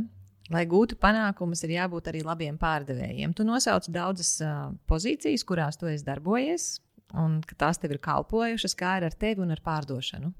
Nu, Printful pārdošana, aktīvā pārdošana neeksistē pirmos uh, 4, 5 gadus, uh, jo mēs veidojām mājaslapu, ka mājaslapa ir tā, kas pārdod. Tāpēc mana tā lieta bija mārketings, tātad kā kā, kā strādāt ar reklāmām, kā parādīties Google ar pareizajām lietām, kā izmantot partnerus, ka viņi palīdz tev, tev produktu popularizēt un pārdot. Mūsu gadījumā tās bija e-komercijas platformas, piemēram, Shopify. Un um, tikai pēdējos gados mēs izveidojām nu, lielu pārdošanas komandu. Un tur es uh, arī atradu cilvēku, kurš bija ļoti, arī relatīvi jauns, enerģisks, uh, gat, darboties gatavs. Viņam bija viens startups, kas uh, nesenāca, un uh, viņš bija gatavs pie mums startēt un uh, gūt pieredzi. Un viņš uh, super lasa grāmatas arī. Un arī viņš bija tas, kas uh, man, kas ieteica grāmatas lasīt par pārdošanu. Un tur uh, viena, grā, viena grāmata arī palikusi atmiņā. Viņam saucās How to Castrate a Bull. Kā kastrēt būlu? jā, kas nav pēc nosaukuma liekas dīvaini, bet jā, tur ir arī par ļoti strauji augošu kompāniju, kas uh, tieši pārdeva nu, lieliem klientiem uh, produktus. Viņš arī to ieteica, hei, ja tu izlasīsi šo grāmatu, mums būs vieglāk strādāt kā komandā. Tāpēc tāda tiešā pārdošana uh, Jā, jā, es sākuma dienās esmu darbojies, bet vairāk tā kā biznesa attīstība, tādu nu, attiecību veidošana ar to pašu Shopify un citiem. Tā bija tāds mans, varbūt, iešana ar pārdošanām, bet tā, ka es esmu augstos zvanus zvanījis kādam, nē, man tāda pieredze nav. Un, uh, nu, tur vajag specifiskus cilvēkus, kas ir gatavi to darīt, un uh, mums izdevās tādus atrast. Es esmu atlasījis ļoti daudz pārdevējs, bet pats neesmu pārdevis. Nu, tad piesprādzējies. Man te ir daudz jautājumu. Vispirms, te teici, jūsu fokus bija, lai mājaslapa pārdotu. Man liekas, ka tādas vēlmes ir ļoti daudziem uzņēmējiem, tāpēc ka saistībā ar spēju pārdot savu produktu, cilvēkiem ir daudz šķēršļu, kāpēc to ir grūti darīt. Un uh, mājaslapa, kas pārdod, nu, tas ir dream come true. Ja? Dodiet vēl šādas iespējas.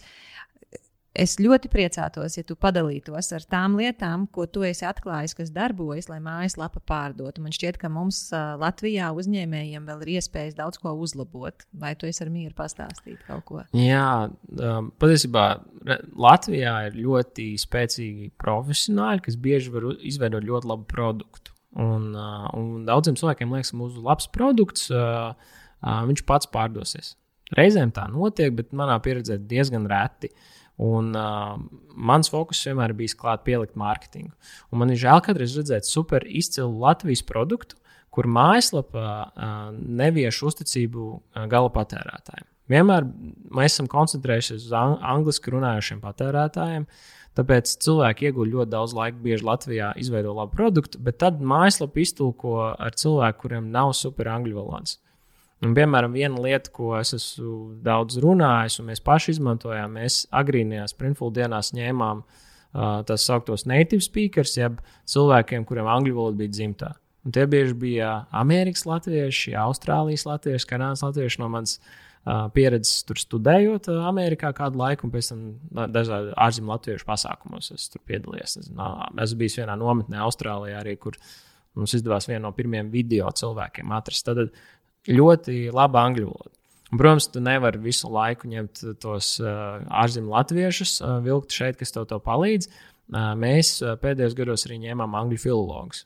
Cilvēki, kas uh, Latvijas universitātē ir maģistra līmenī, piemēram, mācījušies angļu valodu. Ja mums likās, ka ļoti grūti cilvēkam ir iemācīt angļu valodu. Ja viņš viņu nav iemācījies, viņš visticamāk viņu neapgūst tādā līmenī, darbā vai profesionāli, bet tu viņam vari iemācīt mārketingu. Mēs iemācījām ļoti daudz virkni cilvēkiem mārketinga lietas, un galvenais, lai viņiem ir tā angļu valoda. Un tu izskaidro, kā veidot saturu, kas nu, rezonē ar interneta veikala veidotājiem. Tad viens bija šī angļu valoda, un, un, un vispār koncentrēšanās, ka ir jādomā par mārketingu. Un otrs ir um, uzticības uh, komunicēšana, veidošana caur mājaslapu. Un, um, tad viens jau, ja tev ir laba angļu valoda, bez kļūdām, tas jau kaut kādā mērā komunicē to uzticību, jo mēs esam bieži uzņēmumi nu, no Latvijas. Kāds cilvēks, ah, Latvija, ah, tā ir tāda lauzīta angļu valoda. Nu, nu, tas jau daudz vienkārši nepirks to produktu. Tāpēc... Neviešu uzticību. Jā, neviešu uzticību. Un tad ir arī viņš bloga ieraksts, kas uh, ir tāds nu, checklists, kuram tu vari iziet cauri elementiem, kam ir jābūt tavā mājaslapā, lai viestu uzticību. Tātad, nu, skaidra ziņa, ļoti skaidra, un ziņas var arī testēt. Šobrīd pat ir rīki, kur AB testos tu parādīji uh, vienu tekstu, otru tekstu un redzēs, kurš teksts. Kur ir tie rīki, kurus tu ieteiktu? Nu, pēdējā laikā ir tāds jauns rīks parādījies Winter, WY Winter, tāds arī Igaunu um, Tad, tad tāpat kā raksta ziema, tikai šo arī grib. Jā, jā arī mm -hmm. tas ir tieši tāds te, tekstu testēšanai, tā mm -hmm. auditorijai, tam ideālam klientu profilam. Mm -hmm. tāds, tāds rīks. Bet viņš samērā dārgs, un, bet ir arī kaut kāds lētāks rīki. Bet, nu, AB testu uz test, testiem, bet tev jābūt mājaslapā tiem elementiem, nu, klientu atsauksmes. Nu, dabū vismaz divus, trīs klientus, paprasti pēc tam atsauksmes, uh, logotipus, kuriem var uh, uzticēties. Arī Vitamins uh, kontekstā mums bija uh, nu, interneta veikals pirms Printful, kurā mēs bijām Apple, LinkedIn, Twitter un tie klienti bija. Un mēs arī vienkārši salikām viņu logotipus, protams, pēc tam mājaslapā mums bija doma, nu, gan jau neko neteiks, uh, lūksim atdošanu pēc tam. Viss sanāca uh, labi. Bet tas ir viens elements, kam var klients citāti, logotipi. Uh, publikācijas, PR, bet pat tādas lietas kā about aslapa. Tad, piemēram, skaties mājaslapas apmeklējumu, Un uh, tev lielākā daļa klientu apmeklē mājaslapu neko neizdara aiziet projām. Un tev var likties, ka par mums lapu diezgan maz apmeklē. Bet tad apskaties tie cilvēki, kas apmeklē par mums, mums lapu, parasti ir tie, kas nopērk. Parasti tie, kas kļūst par klientiem. Tāpēc ir ļoti svarīgi izfiltrēt ārā tos cilvēkus, kas apmeklē mājaslapu un neko neizdara, tos tu izņem ārā. Uh, apstāties tie, kas nopērk, kas viņiem ir svarīgi. Viņiem ir tā par mums lapa svarīga. Viņiem ir atverot produktu lapu, viņi izklikos visas bildītas, apskatīsies, viņi bieži izlasīs visus tekstus, un tāpēc tiem tekstiem ir nozīme un, un skaidrot. Uh, kontaktu lapa, lai ir uzticība, ka var sazināties. Un, ja vien tu ņem jauns cilvēks par tādu lietu kā atsauce uz karjeras lapu vai nu, darb, darbs lapu, ja, darbs, printful jobs lapu, tās ir kas arī potenciālam klientam uh, viešu uzticību par to, ka, šī, nu, ka šiem cilvēkiem var uzticēties. Uh, un, protams, tad, kad tev uzņēmums aug, kā mums izdevās, ja tev ir apgrozījuma dati, darbinieku skaita dati, izdrukāto produktu dati, tos mēs arī strateģiskās lietās mājaslapā salikām, lai viņš visu cauri klientam vieštu uzticību, samazina viņa bažas, par ko viņš uztraucās un šīs lietas. Tā, kā, jā, tā ir lieta, ko es ļoti daudz redzu, kur cilvēki palaiž garām. Uh, un, nu, tie, kas ir veiksmīgi, tagad mm, jauns biznesa sāk pāriest, viņš to izdara labi. Ja? Protams, ir jābūt arī tam produktam, bez tā arī nevar. Bet, bet produkts pats par sevi vienkārši nepārdosies. Vajag, vajag sakārtot to pārdošanas sistēmu, mājaslapu, kā saku, to atstrādāt, un, un tad pārējās lietas var pielikt. Man pavisam nesen bija sarunas ar speciālistiem, jo mēs pārstrādājam cilvēku jaudas dizainu. Būs, būsim citādāki nekā bijām dizaina ziņā. Precīzāk sakot, mums nebija dizaina. Mums vienkārši bija kaut kas, lai cilvēki var mūs atrast. Un tad ar šiem profesionāļiem man bija lielas diskusijas par, par lapu, about lapu. Un, jā, mēs saķērāmies arī tieši pie tā, ka man teica, ka to neviens neapmeklē, un man savukārt ir redzami dati, ko cilvēki apmeklē. Tas cipars patiesībā ir ļoti liels. Un tieši tā kā tu teici, tie ir tie foršākie cilvēki, kas visticamākais arī visvairāk interesējas par attiecīgā uzņēmuma vai pakalpojumu sniedzēju darbu. Kāda veida statistiku, analītiku tu lieto visvairāk tajā, kas attiecās tieši uz pārdošanu, uz ko tu lieto un uz ko tu visvairāk skaties, un kādus rādītājus tu, nu, nezinu, kā pateikt, latviešu treko. Nu, katram uzņēmumam nedaudz atšķirsies to. Bet, uh, nu, ja mājaslapas kontekstā tev minimums vajag, protams, pieslēgt Google Analytics un, un iemācīties pamatlietas. Bet Google, man liekas, piedāvā. Tad izstāsti, kas ir pamatlietas, jo man šķiet, ka tā ir lieta, kurā Latvijā īpaši tie, kas ir jaunie uzņēmumi, bieži vien nezināšanas dēļ šo rīkus, šos rīkus neizmanto. Google, man liekas, pat piedāvā varbūt pat latviešu nu, apmācības, nu, pamatlietas, var izlasīt, uh, nu, kas ir tās lietas, kā lietot Google. Un, es, protams, viņus pirms pareizi ir jā, jāuzliek, jā, jānovērtē, vai nav, nu, kāda ir datu kvalitāte. Bet, mm, mums būs, mums noteikti atšķirās departamenti un cilvēki, kam pievērš uzmanību. Bet, principā, es pievēršu uzmanību, no kurienes cilvēki atrod mūsu atnāk, tad cik nāk no organiskiem avotiem, cik mums referē kaut kādi partneri. Esmu Printful kontekstā. Uh, vienmēr bijis arī uzsvers uh, uz organisku augšanu un organisku klientu iegūšanu, tad uh, rezultātu Google. Ja? Un, uh mhm. -huh.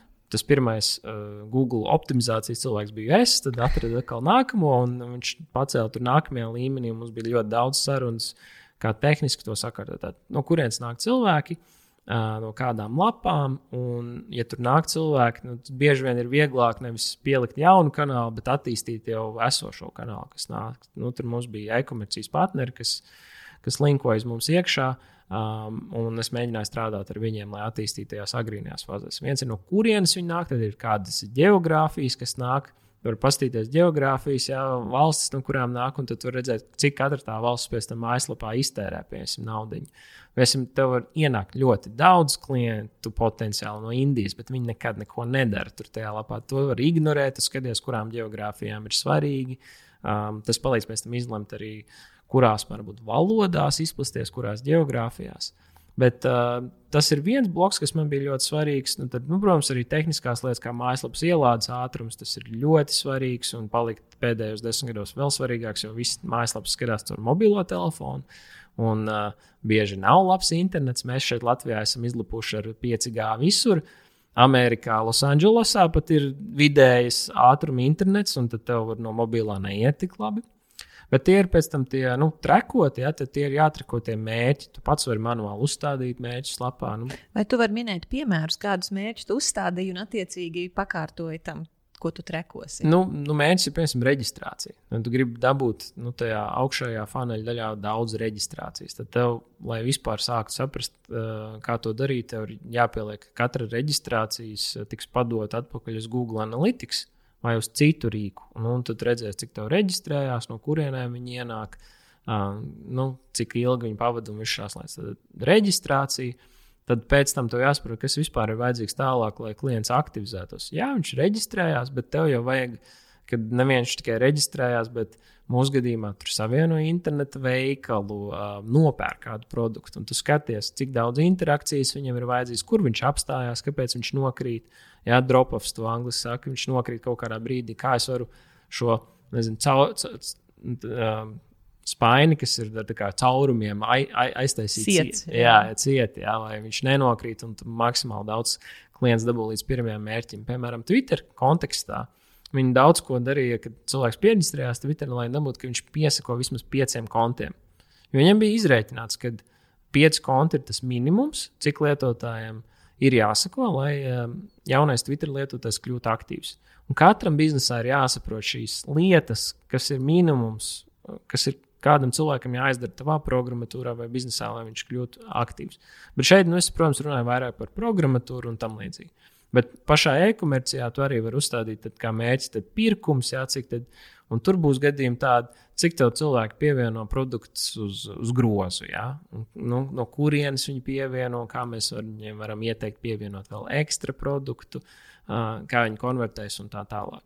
Piemēram, agrīnajā fāzē viena no lietām, tagad tas ir mazāk svarīgi, bet pirms desmit gadiem mums bija uzņēmums reģistrēts Latvijā. Un uh, cilvēkiem vienkārši kredītkartes negāja ārā. Es redzēju, es varēju izdarīt visu, lai optimizētu mājaslapu, bet vienkārši kredītkartes negāja. Jo, nezinu, mums pirka tur Amerikas skola, un viņiem, viņiem, viņiem vienkārši neiet kredītkartes caur uzņēmumu Latvijā. Un toreiz arī Tas bija viens no iemesliem, kāpēc mēs mācu uzņēmumu pārreģistrējām uz Ameriku, lai vienkārši mūsu galvenajā uzņēmuma, nu, tirgu, kurā mēs gribējām būt Amerikā, vienkārši kredītkartes iet cauri. Un, lai nav nekāda klienta, kas zvana, ka es mēģinu nopirkt šo produktu par 1000 dolāriem, man vienkārši neiet kredītkarte cauri. Tāpēc arī nu, tādas lietas, un to tu arī varēsi redzēt, piemēram, arī tajos Google Analytics un citos, ka ļoti daudz pievieno uz grozu, bet uh, nekonvertējas Pēc tam tajā maksājuma sistēmā tur lasīja, kas ir tie iemesli, kāpēc nekonvertēs viņiem, kā redītkartes atsaka. Un, nu, tur bija ļoti, ļoti daudz dažādu rīku katrai no tām lietām, kā to risināt. Bet uh, nu, tev vajag tādu, varbūt pat uzbūvēt tādus uh, par savu klientu pilnu bildi ar viņa pieskaras punktiem. Um, viena, no, viena no mācībām, ko mēs klasē skatījāmies, piemēram, Virgin Airlines. Uh, ir daudz dažādām lidmašīnām lidots, bet tā kā tā, tu lido ar Virgin, tu jūti, ka viņi ir padomājuši pilnīgi visus pieskaras punktus.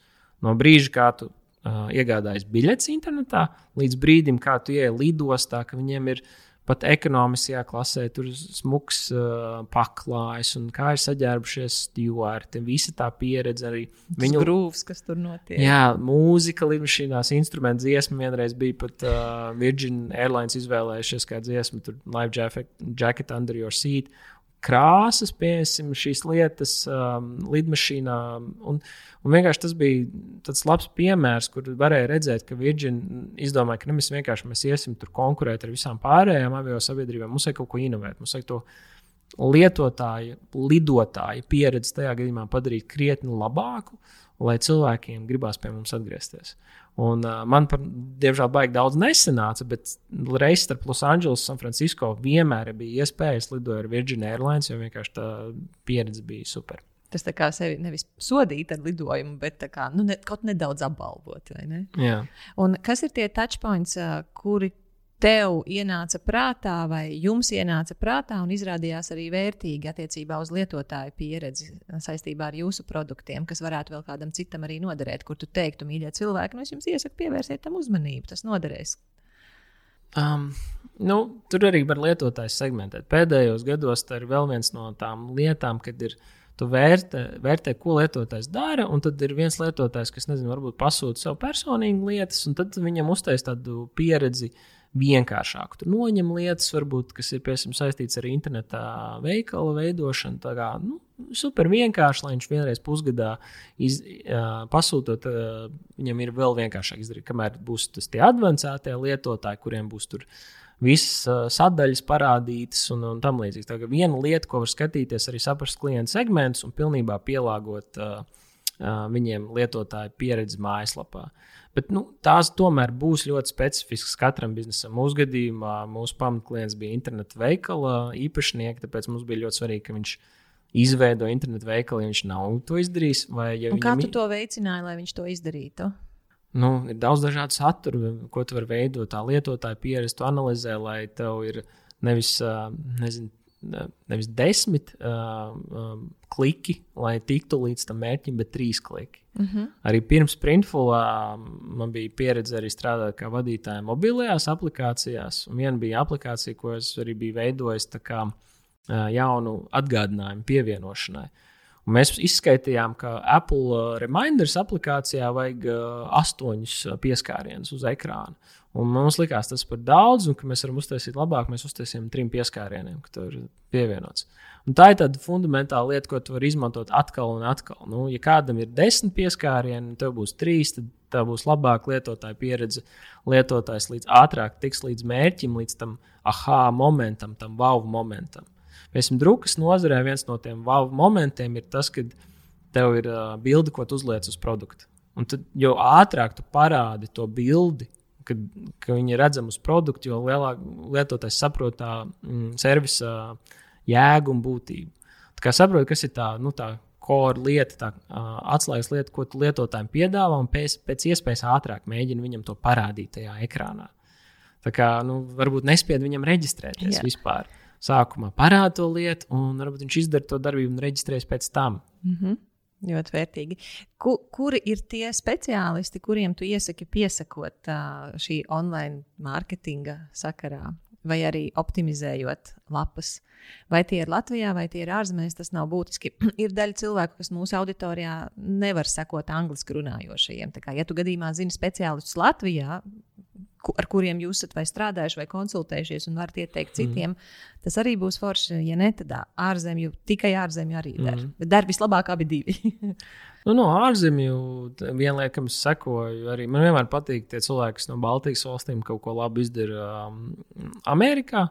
Tāds peplaja, tā ir rakstīts P, E, E, P, L, A. Tas būtu y. Pēp, un pep, ir. Jā, viņš tas viņa, viņam nepatīk angliski, viņa saka pīp, bet uh, peplāja. Jā. jā, viņam ir tas winter produkts, ko es jau minēju. Piedod, es tev visu laiku pārtraucu, kad tu uzvārdu saki. Lāja, nu, L-A-Y-A. L-A-Y-A. Mhm. Jā, nu, tas ir Igauns. Viņš Jā? dzīvo Ostinā, viņam ir veiksmīgs uzņēmums. Viņam ir, viņš ir viens no pasaules līderiem, kas runā par um, optimizācijas lietām mājaslapā. Viņš suprīgs konferences ir taisījis Igaunijā, kur viņš pasaules speciālists uh, savāca šeit uz Igauniju. Mēs braucām, saucās Digital Elite Camp, un mhm. -huh. viņam internetā var sekot. Mhm. -huh. No Latvijā, Latvijā ir varbūt grūtāk atrast, jo nu, tieši mēs esam bijuši iepalikuši kaut kādās nozarēs, un tas tirgus ir maziņš. Uh, bet uh, man ir prieks, ka no draugiem grupu un Printful ir izveidojušās divas uh, aģentūras, kas uh, palīdz ar dažādiem uh, mārketinga un līdzīgiem jautājumiem uh, nu, klientiem. Viena, viens no pirmajiem cilvēkiem mūsu mārketinga komandā Printfulā bija tāda Jūlija Giforda un Krista Krūmiņa, un viņiem ir aģentūra True Six. Nu, Latvijā. Gifford ar diviem F. Jā, nu, Gif, nu Gifford, viņai angļu uzvārds, bet Giffordā latviski mm. -hmm. laikam būs. Bet Un Jūlija un, uh, Krista Krūmiņa. mm -hmm. un Viņa- aģentūra saucās True Six. Jā, trūsīgs. Mm -hmm. jā. Okay.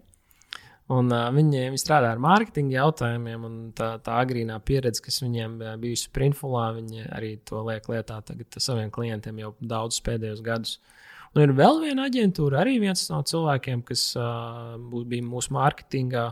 Tad Elīna Bumbiera un uh, Mārtiņš Mihailovs, kas Mārtiņš ir dizainers, Elīna ir vairāk uz uh, mārketinga uh, jautājumiem cilvēks. Viņi arī abi strādāja Printfulā. Viņi abi arī izveidoja uh, nelielu aģentūru, saucās Super ar Z. Um, jā, Super nosaukums. un tas ir kādreiz es arī iesaku, jo cilvēki arī man prasa, un es, es nevaru ieteikt jums printfulu cilvēkus. Es esmu, es esmu cilvēks, kas ir rūpējis, ka viņi ir printfulā, bet es Jā. varu ieteikt tos cilvēkus, kas vairāk nav. Jā. Un, un šie ir tie cilvēki. Super, liels paldies par šo. Tavi uh, foršākie vēl avoti, tu pieminēji Pēpa. Uh, tas digitālai līdkām, ja tu vienkārši seko viņam kā cilvēkam, pēplāja. Jā, es viņam kā cilvēkam mm -hmm. un viņa uzņēmumam. Viņš LinkedIn tagad ir ļoti, man liekas, strauji attīstījies un palīdz atrast la- labākos cilvēkus. Tie ir Twitter un LinkedIn. Bet, nu, es atkal varētu ieteikt cilvēkus, kas tagad, bet jums ir jāsaprot, kas ir jūsu nozara, kam jūs gribat sekot līdzi. Piemēram, manā gadījumā es ļoti daudz tur sekoju arī par nu, apģērbu nozari. Jā. Nu, tur Vogue ir, uh, vēstkopa, kur sūta lietas. Ir nu, virkni lietas, kas raksta par tieši specifisku e-komerciju. Jums ir e-komercija, tad jā, nu, tur Shopify avoti, Shopify galvenā vadība, tur mm -hmm. nezinu, Harlijs Finkelsteins. Un, Kas ir Shopify prezidents, tu viņam seko līdzi, ko viņš runā, jo viņš ir viedokļu līderis tur. Nezinu, agrīnajā starta pāzē tev būs Paul Graham, ja, kas raksta savus esejas no Y Combinator. Mm -hmm. Tā kā ir tomēr jāizvēlās. Un, eh, un tev ir jāsaprot, kas ir tava nozare, kas ir, kurā tu gribi. Un mūsdienās ar LinkedIn, podkāstiem, Twitter, tiešām tu vari atrast tos visus cilvēkus. Un viņi tev bieži atbildēs. Ja? Un tu ne, nav jābūt aprobežotam ar Latviju. Tu vari sekot visiem top cilvēkiem. Un tajā pašā Twitterī rakstīt viņiem ziņas, uh, lielākoties atbildēs, nebaidīsies kaut kādu konsultāciju un tam līdzīgi. Tas ir ļoti specifiski. Es nezinu, šobrīd pētu par investīciju nozari arī kaut kāds atsevišķs jautājums. Tur uh, nu, ļoti specifiskās lietās, kas saistīts ar e-komercijas, līdu ģenerēšanu un tam līdzīgi. Un tur atkal ir citi viedokļi, līderi, citi, citi saiti, kas ir vislabākie. Un tad tu atrodi bieži šo uzņēmumu vadītājus un seko viņiem. Mm -hmm. Dāvid, tu vairākas reizes pieminēji savu izglītību ārzemēs, Amerikā, un uh, es vairs tev nevaru par to nepajautāt, jo tu teici, 18 gados tu sāki strādāt, un ka tu visu laiku strādāji, bet tagad, kad tu tur studēji, un ko tu tur studēji, un kur tieši tu studēji? Nu, es 18 gados sāku strādāt draugiem grupā, es paralēli studēju. Un, um, un tā, Pagaidām, paga, paga, paralēli studēji, kur? Latvijas Universitātē. Un ko? Uh, starptautisko ekonomiku un, mm. -hmm. un starptautiskās attiecības. Un, un bieži ir tā, ka nu, tā, varbūt es ceru, ka izglītības nozare ir vēl attīstījusies pēdējos uh, jau gados, 12, kopš es esmu nu, tur sācis studēt. Bet Latvijā bieži bija cilvēki, nu, st, uh, strādāja un piemācījās. Un tā bija tā bišķiņa arī mana pieredze šeit, kad uh, man bija ļoti svarīgi maksimāli ātri likt lietā to, ko es mācījos darba pieredzē. To, šo programmu Latvijas Universitātē es izvēlējos, tāpēc, ka viņiem bija pusotru gadu prakse no 4,5 gadu programmas. Nu, bija liels uzsvars uz praksi, un es zināju, ka, ja es mācos, es gribu likt lietā. Bet uh, mana pieredze Amerikā ir saistīta vienu gadu no. Uh, es mācījos Amerikā, Viskonsīnas Universitātē par Amerikas Latviešu stipendiju uh, no tādas uh, doktoras Ainas Galējas, kur visu savu brīvos līdzekļus noziedoja latviešu studentiem. Man šķiet, vairāk kā vienu miljonu dolāru. Vairāk kā 50 studenti kopš 90. gada sākuma studēja Viskonsīnā, tajā universitātē. Un tur bija pretējais, kur es pārsvarā studēju un bišķiņu piestrādāju. Es uh, nebeidzu savas attiecības ar draugiem grupu, kamēr studēju Amerikā. Arī Lauris Liberts tajā laikā pārvācās uz Losandželosu, un es no savas kopmīšu istabas palīdzēju bīdīt dažādus projektus un idejas, kas mums tajā, bija, tajā laikā bija. Un arī pirmos mūsu uz Ameriku vērstos produktus palaidu tieši esot Amerikā, tajā, tajā, tajā Viskonsīnā, un pēc tam atgriezos Latvijā. Bet Amerikā, Amerikā tā bija tā sauc par liberal, liberal Arts College, kurā principā tā vietā, kur Latvijā sāc studēt, ir uzrakstīts, visi tie šajā gadā būs šie kursi, un tajā gadā bija to, un tu principā redzi savu ceļu līdz pašām beigām. Mm. Amerikā ir cita pieeja. Liberal Arts koledžās tu atrodi savu virzienu. Tu vari pirmajā gadā pat mācīties pilnīgi dažādas lietas. Ko tu atradi? Nu, man, es mācījos par biznesu un, un IT saistītās lietas, bet teorētiski tu varēji ņemt jebko. Es ņēmu starptautisko mārketingu. Pārsvarā dažādas mārketinga līmeņus, leadership, organizational behavior. Nu, te bija angļu kursi, biznesa prezentācijas, kā prezentēt angliski. Un tās bija lietas, kuras es jūtu, ka es varēšu likt lietā. Man bija forši mācīties no pasniedzējiem, kuriem bija garas karjeras industrijā. Viņi bija strādājuši tur Pepsi, milzīgās multimiljardu korporācijās. Publiskos uzņēmumus Amerikā. Mēs kā studenti arī Amerikā braucām uz viņiem un tikties. Un tad kaut kādā karjeras posmā viņi gribēja gūt kaut kādu lielāku piepildītību savā karjerā. Viņi atgriezās universitātē. Un, jā, man tie materiāli vēl aizvien ir. Tur bija arī strateģiskais menedžments, biznesa prezentācijas un, un mārketings. Tieši es vairāk liku. Tur bija virkni biezas mārketinga grāmatas par to, kā pārdot, marketēt. Uh, un ar uzsvaru uz Ameriku. Piemēram, mums bija jāmācās par visām Amerikas paudzēm, tur baby boomers paudze, tur Gen X paudze, un kā katrai šai paudzei ir atšķirības, un kā ar viņiem nedaudz citādāk jārunā. Un tas man tiešām ļoti palīdzēja arī veidot uh, printful mākslu. Tu pieskāries tagad tieši dažādām paudzēm. Un tad, kad mēs ar tevi sazvanījāmies, es teicu, Dāvi, nu es ceru, viena lieta, ko tu palīdzēsi saprast, ir, kā tas ir strādāt ar dažādām paudzēm. Jo pēdējā laikā man ir bijuši vairāki tādi gan satraukti zvani, gan satraukti ēpasti no dažādiem kolektīviem, no uzņēmumiem, no arī valsts iestādēm par to, cik grūti, kā viņi teica, ir strādāt ar mileniāļiem. Un tad tu man tajā sarunā saki, ka Laura, es pats esmu mileniālis. Uh, ir vēl arī paudze, Z, Z paudze, ja? zīģena, man liekas, ka tas būtu mhm. pareizāk teikt. Un, uh, kas ir tās lietas, kas, ko būtu izdevīgi zināt, kas jums pašiem ir noderējušas gan tev kā mileniālim, par sevi vai par darbu ar sev līdzīgajiem, ko iespējams tu varbūt pat neapzinājies, jo tu pats viņi esi līdz ar to, mm. tu arī iespējams strādā ar viņiem līdzīgi, bet varbūt jums tās zināšanas ir uzņēmumā. Un kas ir jāzina par uh, zēpaudzi, lai ir vieglāk ar šādiem cilvēkiem sastrādāties, mm. jo tās sāpes ir abās pusēs. Paudze jūtas nesaprasta no tiem, nu, tā kā parasti man saka, no tiem lohiem tur augšā, kas visu dara pa vecam, un savukārt tie, kas ir tur augšā, un tie nav ne lohi, ne, ne, neaptēsti cilvēki, tie ir ļoti, ļoti izglītoti izglītoti, atbildīgi. Un arī labu vēloši cilvēki, kuri savukārt nesaprot, nu, kā ar tiem ar to paudzi apieties. Jā, nu, jā, es esmu miljonārs, un, uh, un tas varbūt viens no lietām arī man pievilināja draugiem grupu tik agri uh, strādāt, jo es redzēju to vidi, ko jau Lauris un Agris bija izveidojis, kas tagad ir palicis diezgan nu, standarts. Ļoti daudzos uzņēmumos Latvijā ir, bet uh, Toreiz, pirms 12 gadiem, kad uzsākta, tur bija šī fleksibilitāte, piemēram, ierasties darbā līdz 11. Viņi paši bija strādājuši korporatīvās vidēs, iepriekš lielos uzņēmumos, arī laikam, apdrošināšanā, arī finanšu nozarē. Tur bija jā, tev jābūt deviņos un punkts. Jā. Un, uh, tas man ļoti uzrunāja jau tur vecumā, tīpaši, ka tev nu, tur ir Tu esi jauns, tu nezini, nevari katru rītu piecelties tik agri, un, un, un šī fleksibilitāte. Un tas arī gājis cauri līdz šai dienai, arī printfulā un tā tālāk, kur vien tas ir iespējams to nodrošināt. Um, Bet pagaidi, tātad, ja jūsu piedāvājums bija, ka tev ir jāierodās darbā līdz 11, tad kā tas atsaucās uz kopējo darba laiku? Tā, tik, tik, tik un tā ir tas tipiskais darba laiks, 40 stundas nedēļā, tur 8 stundas dienā, bet vienkārši tev nobīdās. Ah, tad kā, tu sāc vēlāk, bet tu jā. arī attiecīgi vēlāk beigsi. Jā, tu arī vēlāk beidz, mm -hmm. jā, mhm. tieši tā. Un, jā, bija šie elementi, bet vispār draugiem grupa varēja redzēt to uzsvaru uz darba vidi.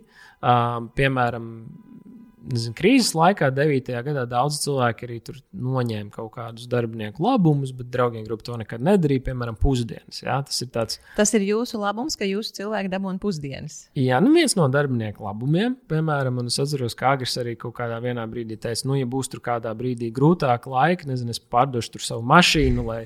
Mēs varam vēl ilgāk darbiniekiem nodrošināt pusdienas, nekā mēs noņemsim šīs pusdienas. Un, un pamatojums tam bija?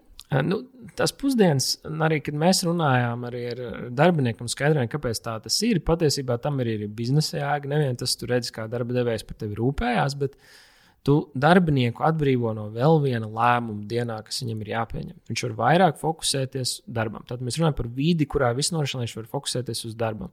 Jo, manuprāt, darba vietās, kurās um, netiek nodrošināts pusdienas, tad kādu stundu pirms pusdienu laika kolēģi sāk domāt, ar kuriem viņi iesēst, kur viņi iesēst, uh, cik tas maksās, ko viņš tur ēdēs. Un ir šie lēmumi, kas ir vienkārši jāpieņem, kuri nav vajadzīgi. Uh, Mūsu gadījumā mums vienmēr bija skaidrs, ka ir kopējā kafejnīca, bufete, kurā mēs ejam. Tur viss priekšā ir. Tu iepriekš izvēlējies to pirms nedēļas, ko tu tur ēdīsi, un tev tas lēmums nav jāpieņem. Tev nekur nav jābrauc. Mums bija oriģināli bija ilgs gads birojas Mārupē. Nu, tuvākais būtu braukt uz spīci, jā, uz kaut kādu tur McDonald's vai tam līdzīgi. Bet mēs bieži vien varējām pirmkārt to darīt kopā ar kolēģiem. Uh, aizēja apsēdies pusdienās, tri, bieži tiec arī ātrāk, 30 minūšu laikā cauri. Ja? Tā kā arī uzņēmums bišķiņi arī tā var būt iegūst, ka cilvēks vienkārši nezaudē to laiku. Bet tu pēc tam arī neformāli veido šīs attiecības ar kolēģiem. Varbūt kaut ko par darbu parunā, vai arī vienkārši parunā, kā viņam iet, um, kā gāja nedēļas nogalē. Bet viens ir šie darba vidas aspekti. Un šie bija tādi kaut kādi divi tikai piemēri, ko draugiem grupā kā vidē veidoja, kas man ļoti patika miljonālim. Un, un arī tā pieejamā vadība. Jā, man vadība bija Agris un, un Lauris. Jā, un viņi bija vienmēr e, super pieejami. Nebija, uh, nebija šīs tādas tā plaisas vadība un pārējie. Jā, tur, Uh, kaut kādos uzņēmuma pasākumos tur nebija, nebija atsevišķi galdiņš uz kaut kāda piedestāla vadībai vai nu, kaut, kaut kādas īpašas lietas. Un, kā, uh, Laurim vispār, man liekas, pat īsti savas darba vietas nebija. Viņš nāca uz oficiālu, kur bija brīvs un oriģināli pirms tam 12 gadiem vienkārši sēdēja uz dīvāna kaut kur. Un, un, un tādas lietas. Un arī, man liekas, pirmajā nedēļā es arī jau neformāli jau satiku Agri, kad 18 gados mēs vienkārši viņš uzaicināja satikties. Un tad nebija mēs un viņi. Šī vadība likās, ka viņi tiešām ieklausījās, respektēja tos, tos jaunos, jā, nevis mēs un viņi, un, un virkni šīs lietas. Uh, Un, protams, strādājot pēdējos 12 gadus, ienāks arī nākamā paudze, ja, Gen Z, Z paudze. Um, arī viņiem, manuprāt, ir svarīgi, ka viņi ir iesaistīti veidot darba vidi. Uh, ar viņiem tiek runāts, kas ir tās lietas, ko uzņēmumam vajadzētu darīt vai nedarīt vairāk. Nu, mēs bieži arī novērtējam sarunās arī darbiniekiem jautājumu, kas ir tās lietas, ko uzņēmumam vajadzētu turpināt darīt, kas ir tās lietas, ko uzņēmumam vajadzētu beigt darīt.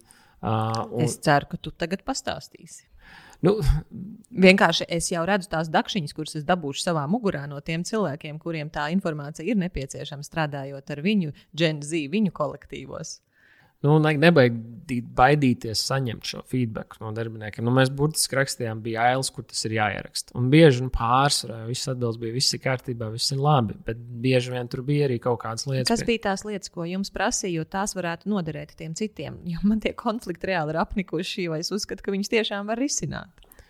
Nu, viens arī tas, ka viņi parādīja, kuras lietas, kas strādā labi. Viņi teica, jā, turpiniet, taisīt labu darbu. Jā, mums patīk, ka ir šī vīda pusdienas un fleksiblais darba laiks. Bet uh, viena lieta arī bija. Um, tie bija, tā bija ārzemju Latvijas arī, kas pie mums strādāja. Viņi lika aizvien laicīgi domāt par uzņēmumu sociālo atbildību, korporatīvo sociālo atbildību, par dabu saistītiem jautājumiem. Tā uzņēmuma pamatlieta jau drukā lietas pēc pieprasījuma samazināja to pārprodukciju pasaulē, bet mums ir likās, ka okay, ir jādomā vairāk, ir jādomā, kā mēs, kā uzņēmums, kas ir svarīgs šajā nozarē, varam rādīt arī līderību ar dabu saistītiem jautājumiem. Šis jautājums ir ļoti svarīgs zēna paudzei. Mēs pēdējos gados zinu, aktīvi gājām arī, lai gan klientiem un darbiniekiem bija svarīgi tas, ka pāriet uz aizvien vairāk pārstrādāto poliesteru mūsu produk produkcijā, organisko koku vilnu un citas lietas, kas ir ar vidēju un vidas jautājumiem svarīgas lietas. Ja? Un arī pēdējā laikā mums bija pat tur. Um, ilgspējības speciālists uzņēmumā, kas šo pētīja, rēķināja CO2 izmešu un tādas lietas. To es redzu, ka tas ir Zēpaudzē ļoti svarīgi ar dabu saistītie ilgspējīgas jautājumiem, jo nezinu, viņi skatās, ka tur iepriekšējā paudze aizies, bet viņiem vēl jādzīvo, ja vēl šīs pasaules nākamos 60, 80 gadus. Ja. Kas varētu būt tās lietas no tavām zināšanām ar Gen Z, kas varētu noderēt, piemēram, tirgotājiem? Nu, viņi neko neražo, viņi, teiksim, tirgo, vai kas varētu noderēt tādās iestādēs kā, teiksim, medicīnā? Jo nu, tur es esmu dzirdējusi par šīm grūtībām attiecībā uz Z darba kultūru, kas vienkārši atšķiras no tā, kas ir uh, vadībai. Nu, jāveido arī tagad, uh, īpaši pandēmijas laikā parādījās, ka bieži pat fiziskā darba vieta kļūst varbūt sekundāra digitālajai darba vietai. Tāds digitālais HQ, proti, tās vide un tehnoloģijas, kuriem darbinieks savā starpā runā. Un, nu, man liekas, ka šobrīd jau visi modernie aktuāli uzņēmumi lieto Slack vai līdzīgus rīkus. Uh, Un, ja mēs runājam par tādu, kur ir vairākas paudzes, ja tur uh, varbūt medicīnas nozara, ko tu minēji, nu, vajadzētu ieviest kaut kādu ērtu, uh, labu iekšējo komunikācijas rīku. Jo man liekas, Z paudzei viņ, viņiem nepatīk, ka viņi viņiem zvana pa telefonu, ja viņi la, labāk izteiksies rakstiski, viņi ir pieraduši digitālajai komunikācijai, tā kā sociālajos mēdījos un tam līdzīgi. Tāpēc vajag labu iekšējo rīku, ja tāds nav. Uh, kā komunicēt ar darbiniekiem, lai viņi varētu likt nezinu, laikus, emoji un visiem uzņēmumu paziņojumiem tam līdzīgi. Kā slēgs ir kīla lieta, ja, manuprāt, ja viņi nav adaptēti jau šāda tipa uzņēmumā. Un rādīt arī, ka nu, uzņēmuma vadībai ir svarīgi. Tie, mēs minējām par to. Um, ilgspējīgi dabas kontekstā, bet arī mēs, kā Printfuls uzņēmums, arī cīnījāmies arī par dažādības jautājumiem, par uh, uh, dzīves biedru uh, iniciatīvām Latvijā. Arī bija pirmais uzņēmums, kas uh, uh, pacēla you know, progresa karogu pie mūsu birojiem. Paldies par to. Jā, to ievēroja arī mūsu darbinieki. Uh, viņi to vēlējās, ļoti viņi to atbalstīja. Viņiem bija šīs aktivitātes, veidojās grupas un piedalīšanās, un arī tas bija ļoti svarīgi mūsu klientiem. Un, uh, un, uh, Un, jā, tam pat ir biznesa jēga. Daudzos šajos gadījumos šie nevien tā ir pareizā lieta, ko darīt pasaules progresam, attīstībai, bet arī biznesā. Tas palīdzēs īpaši, ja jūs esat uzņēmums, kas strādā eksportā. Bet nu, ir arī svarīgāk tas aizvien Latvijā šie jautājumi. Ko tu ieteiktu ņemt vērā komunikācijā ar Gen Z? Un šeit tu ieteici par kanāliem, ko izmantot, bet tieši tekstā vai saturā, kam pievērst uzmanību, lai komunikācija ar Gen Z palīdz uzņēmumam vai kolektīvam darba kvalitātei? Man liekas, ka neatkarīgi varbūt pat no paudzēm, vai tā ir zēpaudze vai citas, tie darbinieki vēlās, ka viņos ieklausās. Nu, nevien... kā, to, kā jūs to panākat? Jums ir tātad kaut kādas pārunas? Jā, mums ir pārunas. Es atceros, ka varbūt pirms uh, varbūt desmit gadiem, kad sāk draugiem grupu strādāt, uzņēmums bija mazāks un pat nebija šīs uh, regulārās darbinieku novērtēšanas sarunas un pārunas. Un šīs, šī feedback jautāšana abām pusēm. Un svarīgi, ka šīs aptaujas ir uz abām pusēm, ka nav tikai par darbinieka uh, novērtēšanu, kā viņam gāja, bet arī, ka viņš novērtē uzņēmumu. Ko jūs viņam jautājat attiecībā uz to, par, lai no viņa saņemtu feedback par jūsu uzņēmumu? Nu, minētie, ko mums tur sāk beigt darīt vai turpināt darīt. Tie ir tādi tipiskie, bet arī nu, novērtēt. Kā, arī burbuļs jautājumi, kas ir uh, lietas, ko mēs varam vēl to nodrošināt, resursus, lai tu būtu nezinu, vēl efektīvāks savā darbā, labāk darīt. Ko jums ir paprasījuši? Uh, nu, kādreiz ir tikpat vienkārši kā kāds tehnoloģija rīks. Zinām, man dators ir lēns. Un es, nu, viņš cilvēks baidījās pajautāt to. Nā, nē, problēma, mums nav problēma. Mums ir datori, stāv noliktavā. Apgriedosim to veco datoru. Um, tādas, tādas lietas var būt vienkārši. Kas vēl ir bijis, ja tu gadījumā atceries? Mēs arī programmēšana vienmēr bijusi ļoti svarīga lieta, mēs prasījām, kas ir, kas ir, ko mēs varam vēl darīt, lai 5% efektīvāk strādātu. Un bieži vien tas ir arī kaut kādas lietas, vid, lietas kas viņiem novērš uzmanību. Tā kā mēs programmētām, ir jāprogrammē. Un tad mums bija jārisina lietas, um, bija kaut kādi citi kolēģi, kas paņems lietas prom no viņa. Nu, kad projekta vadītājs tur komunicēs, tur um, viņa vietā ar pasūtītāju vai klientu, um, mūsu iekšējo klientu un tam līdzīgi. Tā kā mēs regulāri jautājām šīs lietas, un bieži vien tās labākās idejas nāca no mūsu darbiniekiem, kā uzlabot to darba vidi, darba efektivitāti, mm, nebaidīties pamēģināt tās jaunās programmatūras un tam līdzīgi. Un Tad tā ir viena lieta, ko es redzēju pēdējos gados. Printful bija grūtāk. Tas darbinieku skaits bija tik liels, ka ieviest jaunas programmatūras ir ļoti, ļoti grūti. Tur ir jāizpild visādi drošības kritēriji un tam līdzīgi. Bet, ja tev ir mazāks uzņēmums, tev organizācija ir nu, simts vai mazāk cilvēku, tad nebaidīties. Mēģināt dažādas programmatūras, rādīt, ka jūs vienmēr mēģināt adaptēt to jaunāko, inovatīvo lietu, kas, kas tā ir. Nu, tur, nezinu, darbinieku lietās un komunikācijās. Nu, tagad ir diezgan standarts palīdzējis, nu, kad ir Instagram konti tur uzņēmumam, kas rāda par darba vidi, kur mēs iesaistām kolēģi liek bildes, tur at team, printful un, un, un, un, un tās lietas. Un tas vēl vairāk iesaist to, nu, tīpaši jaunāko paudzi. Mm -hmm.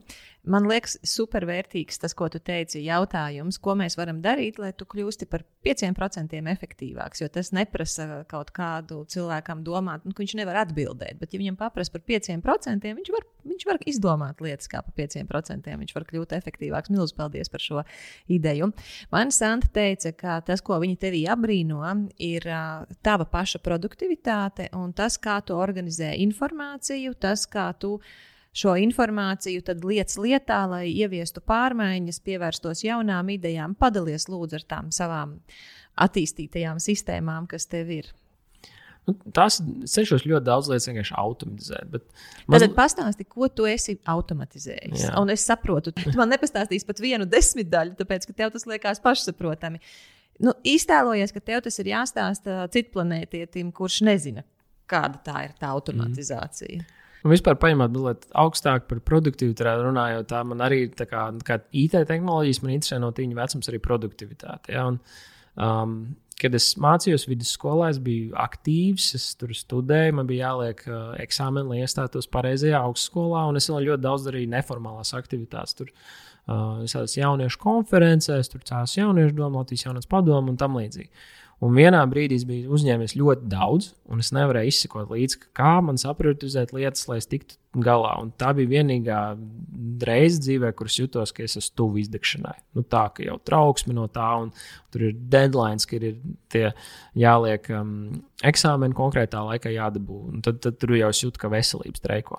Un es sapratu, ka nu, es neesmu galīgi unikāls šajā situācijā. Pilns ar jauniešiem, kuri grib būt aktīvi un jāliek eksāmeni, un, un vēlēs tos izdarīt labi. Un tad, kā jau parasti, es vienkārši meklēju, kādas ir sistēmas, kā cilvēki tiek galā. Un tajā jā, 17 gadu vecumā es uh, adaptēju tādu produktivitātes sistēmu no Davida Alena. Tā saucās Getting Things Done. Uh, ir latviešu izdota grāmata arī mērķu sasniegšana. Un Latviešu ir pārtulkots kā mērķu sasniegšana. Jā, jā mērķu sasniegšana. Un kaut kādi vēl pāris vārdi, bet ir latviešu un arī citās valodās. Uh, Un burtiski pēdējos arī tur, nezinu, desmit gadus man ir pat prezentācija, viena stunda gara, kur jauniem darbiniekiem uzņēmumā es prezentēju šīs lietas. Bet būtība ir šī uh, Getting Things Done sistēma, un tad ir vēl virkni citu lietu. Bet tajā nu, Getting Things Done sistēmā tev vislabāk būs izlasīt to grāmatu Jā, un saprast, ka, kas, kas, kas notiekās. Bet viena no tām lietām bija, tāds klikšķis ir, kad es visu centos paturēt galvā, es nepierakstīju, vai man viņš bija izklaidēts tur vienā burtnīcā, vienā rīkā un tam līdzīgi. Tāpēc ir jāatrod vieta, kur pierakstīt. Ideāli tā ir viena centralizēta programmatūra, kas sinhronizē starp tavu telefonu un datoru. Un tiešām tu izvelc visu no smadzenēm ārā, lai tavs smadzenes var būt relaksētas, brīvas, domāt, radošas.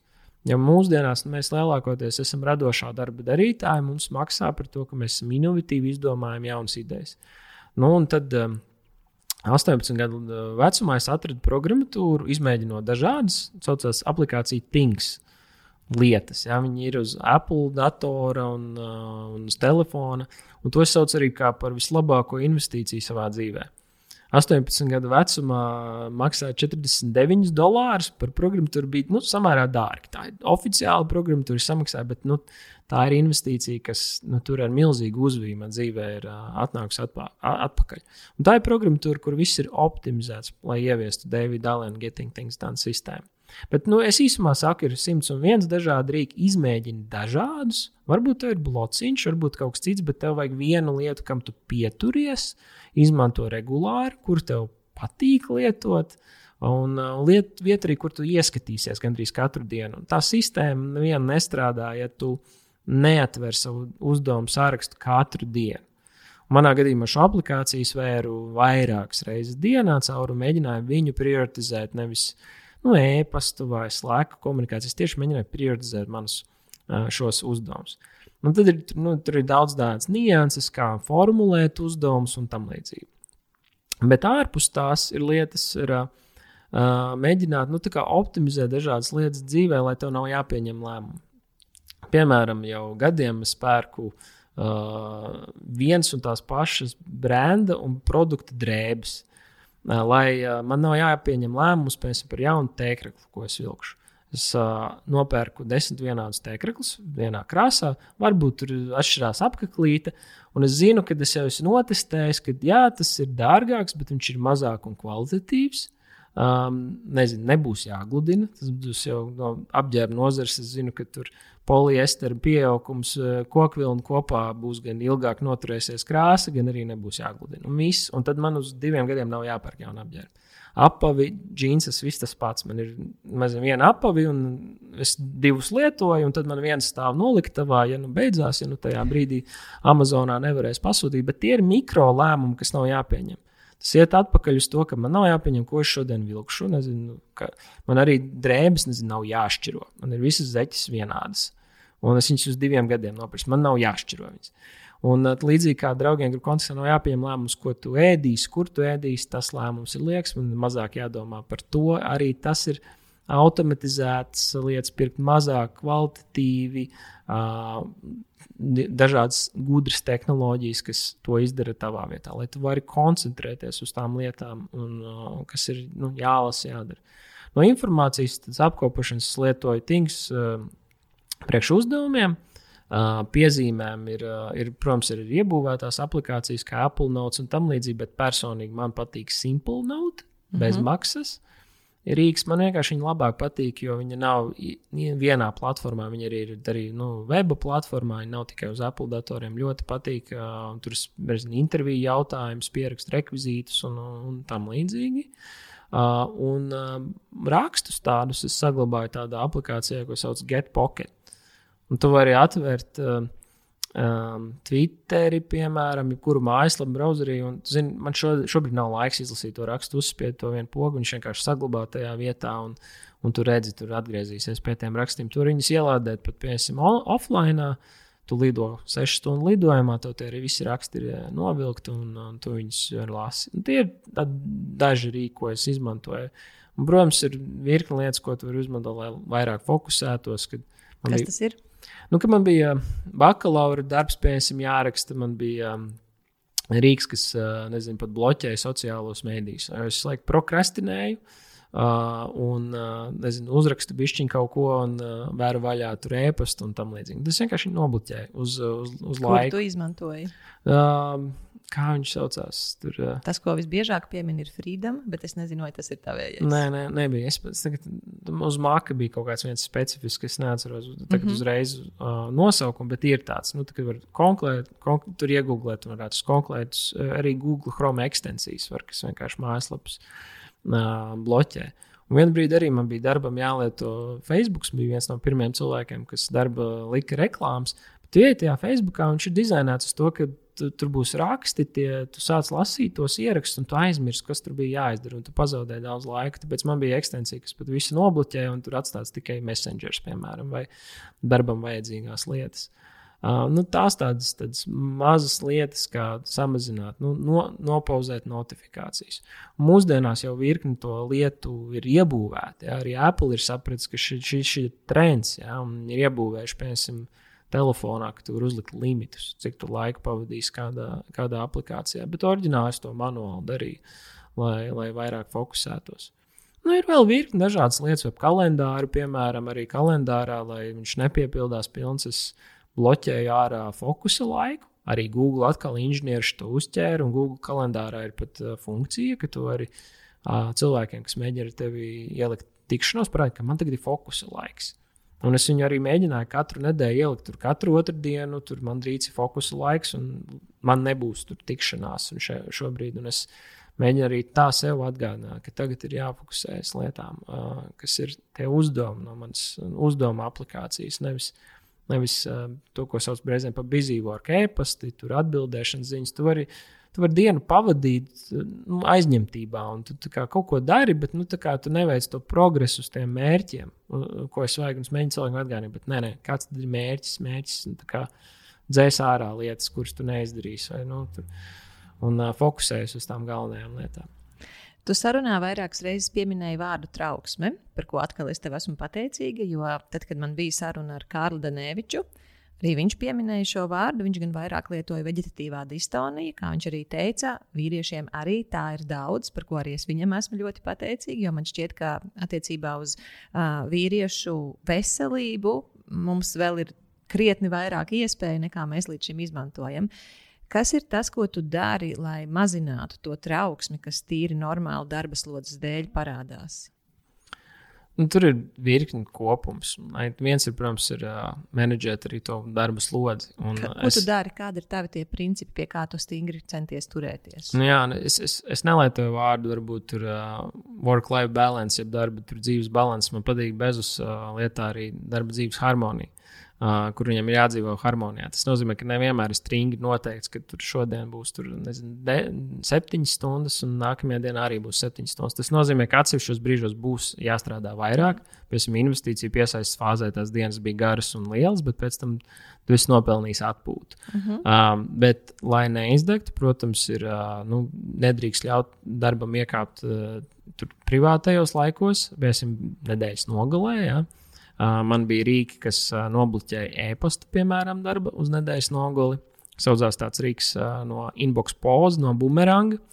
Un uh, tu vari uzlikt. Kā viņš saucās? Inbox pause, inbox pauze. Ah, inbox, ok, paldies. Jā, angliski. Un, un tad to tā, tā kompānija bumeranga taisa. Un, un tu vari uzlikt, ka um, tev e-pasta tik stili ienāk no tiem kolēģiem vai biznesa partneriem, bet viņi tev neparādās inboxā, viņi parādās noteiktos laikos. Uh, Jo atkal ir ideja, ka uh, mēs esam produktīvai produktīvāki lietas darot uh, kopīgi. Ja ir viens un tas pats uzdevums, bečojot, bečojot, tas, jā, tas kopīgi ir jādara. Un tad par e-pastā tur visu laiku būt e-pastā, vienkārši viņu spiest ar fresh un skatīties, ka jaunākais e-pasts, bet tas nebūs produktīvākais veids. Labāk tu brīvdienās uh, refokusējies, ej dabā un tam līdzīgi, un pirmdienā tu vi, visu to kopīgi procesē. Un arī nejaukt tur katru stundu, bet nu, tev, man bija tajos brīžos, kad man ienāca 200 e-pasta, es uzliku, ka man e-pasts ienāk tur trīs reizes dienā. Tur deviņos, tad, eh, tad es izdaru, līdz pusdienām man nenāk ēpast, pēc pusdienām man ienāk tā nākamā. Um, batch, jā, iekšā no kolēģiem. Jo arī tā sāc atbildēt uz ēpstiem, kolēģi atkal uzreiz atbild. Tur bezgalīgi. Bet tad tas vienkārši nav pārējams. Tad, tad nobloķēt arī tur pēc tam ēpastus uz nedēļas uh, nogalēm. Uh, ir jāņem atvaļinājumi. Ja mums tur jau daudzos uzņēmumos uh, sekojām līdzi katram kolēģim, vai viņam ir atvaļinājuma dienas, un vadītāja uzdevums bija veikt šīs pārunas ar darbinieku, viņš paņem šo atvaļinājumu un tam līdzīgi. Tāpēc man tā bija uh, arī liela lieta, kad nu, atslēgties tajā atvaļinājumā, paņemt līdzi grāmatas un uh, citu materiālu, ko neesmu izlasījis, un atslēgties nu, pārsvarā ārzemēs un tam līdzīgi. Un, nu, paņemt kādu saulīti kaut kur arī ārpus Latvijas. Un pandēmijas laikā tas bija grūtāk, nevarēja ceļot, bet nu, pagājušā gadā jau varēja. Un vēl turklāt attālinātais darbs, mans tāds, nu, tāds atklājums ir Tenerife, arī kur Air Baltics tagad lido tiešā reisā četras reizes nedēļā. Fantastisks klimats, optiskais internets, viss ātri, zemas izmaksas, tur pievienotās vērtības nodoklis, man liekas, 7% kā īpašai teritorijai Eiropas Savienībā perfekta vide, kur uzlādēties pie saules. Ar tiešo reisu no Rīgas, laika zonas divas stundas tikai ar Latviju atšķirība. Un tur novembrī saules, nezinu, sešos riet, un var arī pēc tam iziet ārā. Un, tas bija tās lietas, kā es uzlādējos, paņemot atvaļinājumu, bet nu, arī fiziski tas ir miegs, jā, par miegu. Um, daudz var runāt, bet viena lieta, ko es pēdējā laikā es sekoju līdz gaisa kvalitātei istabā, Kā tu to dari? Jā, tu izmanto. Uh, nu, tāda portugāla rīks ir mūsu latviešu ražojums Aranet 4. Aranet. Aranet no SAF tehnikas. Okay. Aranet 4 ir tāds portugāla rīks, kur uh, tur ir baterijas, un viņš rādīs to CO2 uh, līmeni istabā. Man, nu, es arī ievēroju, ka neviena tikšanās mums pat darbā bija tāds teiciens, re, kur Aranets stāv, un ja viņš ir tur sarkanajā zonā, ka tūkstots tur, uh, partikls per miljonu CO2 ir pārsniegts, tad lēmumus mēs vairāk nepieņemam. Jo, ja ir pārāk augsts CO2 līmenis, tas noteikti nebūs labs lēmums. Un tāpat arī mājās. Man ir, nu, bija cits rīks, kur ar, ar vadu var piesprāst tāds aware saucās. Aware, A-W-A-I-R. Mhm. Um, arī rīks, un arī viņš, es primāri trekoju CO2, bet viņš rādīs arī temperatūru, mitrumu, uh, ķīmijas līmeni istabā. Ja, arī, nu, kad ir jāvēdina, viņš pēc kaut ko gatavo mājā, viņš redzēs, ka tur ir eļļa izgaro un tev vajag atvērt logu. Bet man tas, viņš arī vizuāli rāda, ir zaļš vai sarkans. Un uh, pēdējos gados es arī ziemā gulēju ar, ar logu vaļā. Uh, arī ir notestēts ar šiem sensoriem, ka ziemas vēdināšana logiem, nu, plastikāta logiem tā mazā strādā. Un uzreiz, kā tu aizver hermetisku logu, tā līmenis tur aug un ir slikti. Un, un tad, kad CO2 ir augsts, es, es kādreiz nezinu, arī viesnīcās bieži paņemu līdzi. Es biju arī, nu, nevar jau vainot, bet tādas mūžas, piemēram, vēsturiskās, tur nav nekādas ventilācijas. Aiztaisa ziemā logu, jo nu, citādāk ir augsts, un tev, tur CO2 līmenis ir tik augsts no rīta, un tur absolūti neesi izgulējies. Un tas pats var pat ņemt mašīnā līdzi, testēt, kurai, kurai mašīnai ir laba ventilācija. Bet viens ir gaiss, miegam, labs, un, protams, tur ir nu, temperatūra, jā, un um, mums grupā tāds produkts istabai, ja, kur tur uzlikt radiatoram. Uh, automātisku uzgali, kas vienkārši automātiski pēc noteiktiem līmeņiem samazinās temperatūru. Nu, mūsdienās jau visās jaunajos projektos ir šie, šie rīki, bet man vienmēr bija uzlikts, ka guļamistabā temperatūra ir zemāka un ir īpaši uz nakti. Un tad, kad cēlies no rīta augšā, tad tā temperatūra pieaug, lai tu piecelies jau siltā veidā. Un tā ir to, to miega lieta optimizēja. Super ideja. Es domāju, ka es šo gaisa kontroli izmantošu. Vienīgi nu, es dzīvoju vietā, kur ir ļoti tīrs gaiss. Līdz ar to vienīgais jautājums par logu attaisīšanu. Bet es intereses pēc paskatīšos. Varbūt man pieņēmumi ir neobjektīvi, bet tas, ko tu pateici, paskatīties CO2 līmeni istabā un, ja ir, kā tu teici, sarkanajos ciparos, tas jūsu princips, nē, tad mēs lēmumu nepieņemam. Tas ir kolosāli attieksme. Paldies par šo Jā. ideju. Dāvi, tad, kad mēs sazvanījāmies, tu arī teici, ka tu nesen esi apprecējies, nu, salīdzinoši nesen, par ko es tevi arī apsveicu. Un tu sacīki, ka tev arī ir zināmi tādi ieradumi kopā ar tavu dzīves biedru par to, kā jūs rūpēties, lai jūsu foršā laulība turpina būt forša. Vai tu vari padalīties? Jā, viens nāk no tiem podkāstiem, nu, arī, kad bija kopīgi klausījāmies podkāstus par attiecībām. Un tā ir tā tēma, kas mums ir svarīga, un tad, piemēram, to pašu Esteru Perelu. Tad, kad noklausies podkāstu, kopīgi klausies, tu vari pārunāt šīs lietas. Uh, Un, um, protams, ka var teikt, ka vienmēr komunikācija ir ļoti svarīga, bet mums arī nu, svarīgi jā, izglītoties. Ja man ir svarīgi par jaunām lietām, tāpat arī izglītoties arī par šiem attiecību jautājumiem. Tur var um, klausīties podkāstu šajā lomā. Bet viena no lietām, bija, um, ko mēs darām, mums ir regulārs tikšanās, kas ir abu divu kalendāros. Mēs dalāmies viens ar otru kalendāriem, ieliekam visus mūsu sociālos un darba pasākums, lai viens otrs ir informēts un respektēts par to, bet mums ir regulārs tikšanās, tur uh, vienreiz mēnesī tas tā kā formāls uh, mēneša check-ins, kura primāri ir vienkāršas lietas, kā sa sakārtojuma kalendārs. Nu, kuram kas ir un ko darām kopīgi, ar kuriem cilvēkiem gribam satikties, uh, uz kuru pasākumu, teātri vai ceļojumu aizējam, izdarām. Vienkārši tas ir izdarīts un vienmēr arī attiecībās vienmēr palīdz, ka ir kaut kas, ko tu gaidi uz priekšu. Vai tas ir ceļojums vai kaut kas tāds, arī tas tā tikšanās nodrošina šo lietu, ka vienmēr būs kaut kas, ko gaidīt uh, uz priekšu, uh, attīst, attīstībā un, un tam līdzīgi. Bet bez tādas, uh, nu, tāda, tādas iečikošanās par, uh, par mūsu aktuālajām sadzīviskiem jautājumiem, vienmēr ir jautāt, nu, nu, kā tam mums attiecībās iet. Un tur ir ļoti daudz jautājumu, ko var jautāt.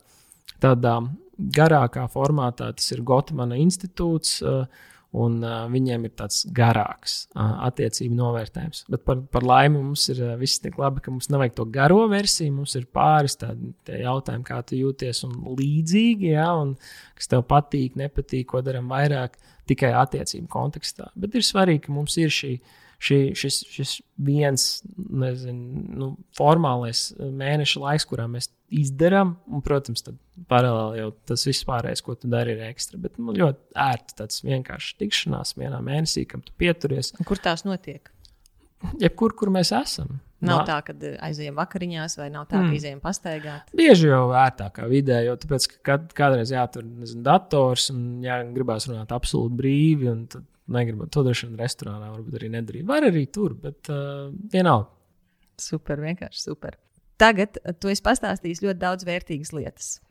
Ko tu vēlies atpakaļ no auditorijas, kas šo sarunu ir klausījušies? Turpiniet klausīties uh, tavu podkāstu, droši vien, lai arī. Tu domā, cilvēki jautā. Jā, cilvēki, cilvēki jautā, lai tā lieta turpinās, un mums visiem kopīgi ir interesēti un kopīgi varam izglītoties. Bet, nē, man nav. Man, es domāju, ka tev ir superīga autorija, ko klausīties. Un, ja kādam interesē lietas, zin, par ko mēs runājām, biznesa un tam līdzīgi, var, var pasakot man uh, LinkedIn, kas ir tāds primārais sociālais tīkls, ko es izmantoju. Var sekot draugiem, grupu lietām, uh, ko mēs darām, ko mēs darīsim nākotnē. Ir, uh, plāns uh, strādāt vairāk, varbūt, kā jau minēju, sākumā ar investīcijām, ar, arī citos uzņēmumos palīdzēt kļūt par nākamajiem lieliem Latvijas uzņēmumiem, kas strādā eksportā. Līdz ar to tie cilvēki, kuri klausoties šo tevis stāstīto, ir sajutuši sevi interesi, es gribu ar šiem džekiem kaut ko kopā darīt, tad tas, ko tu saki, ir turiet acis vaļā. Neko mēs vēl jums paziņot nevaram. Bet sekojiet mums LinkedIn, un jūs pamanīsiet, tad, kad šīs iespējas pavērsies. Jā, kad, kad būs, tad mēs paziņosim. Neko konkrēti nevaru pateikt. Sekojiet LinkedIn, sekojiet ziņām. Un ko ziņos. LinkedIn meklēt? Uh, Dāvis Siksnāns, draugiem grupa. Dāvis Siksnāns, draugiem grupa. Tieši Jā. tā kā tevi. Atrast, tur. Labi, Dāvi, milzīgs tev paldies par to, ko tu šodien pastāstīji, ar ko tu padalījies. Man tas bija ļoti vērtīgi, un es zinu, dažas lietas es tiešām ieviesīšu. Pirmā būs gaisa kontrols iespēja. Paldies! Paldies!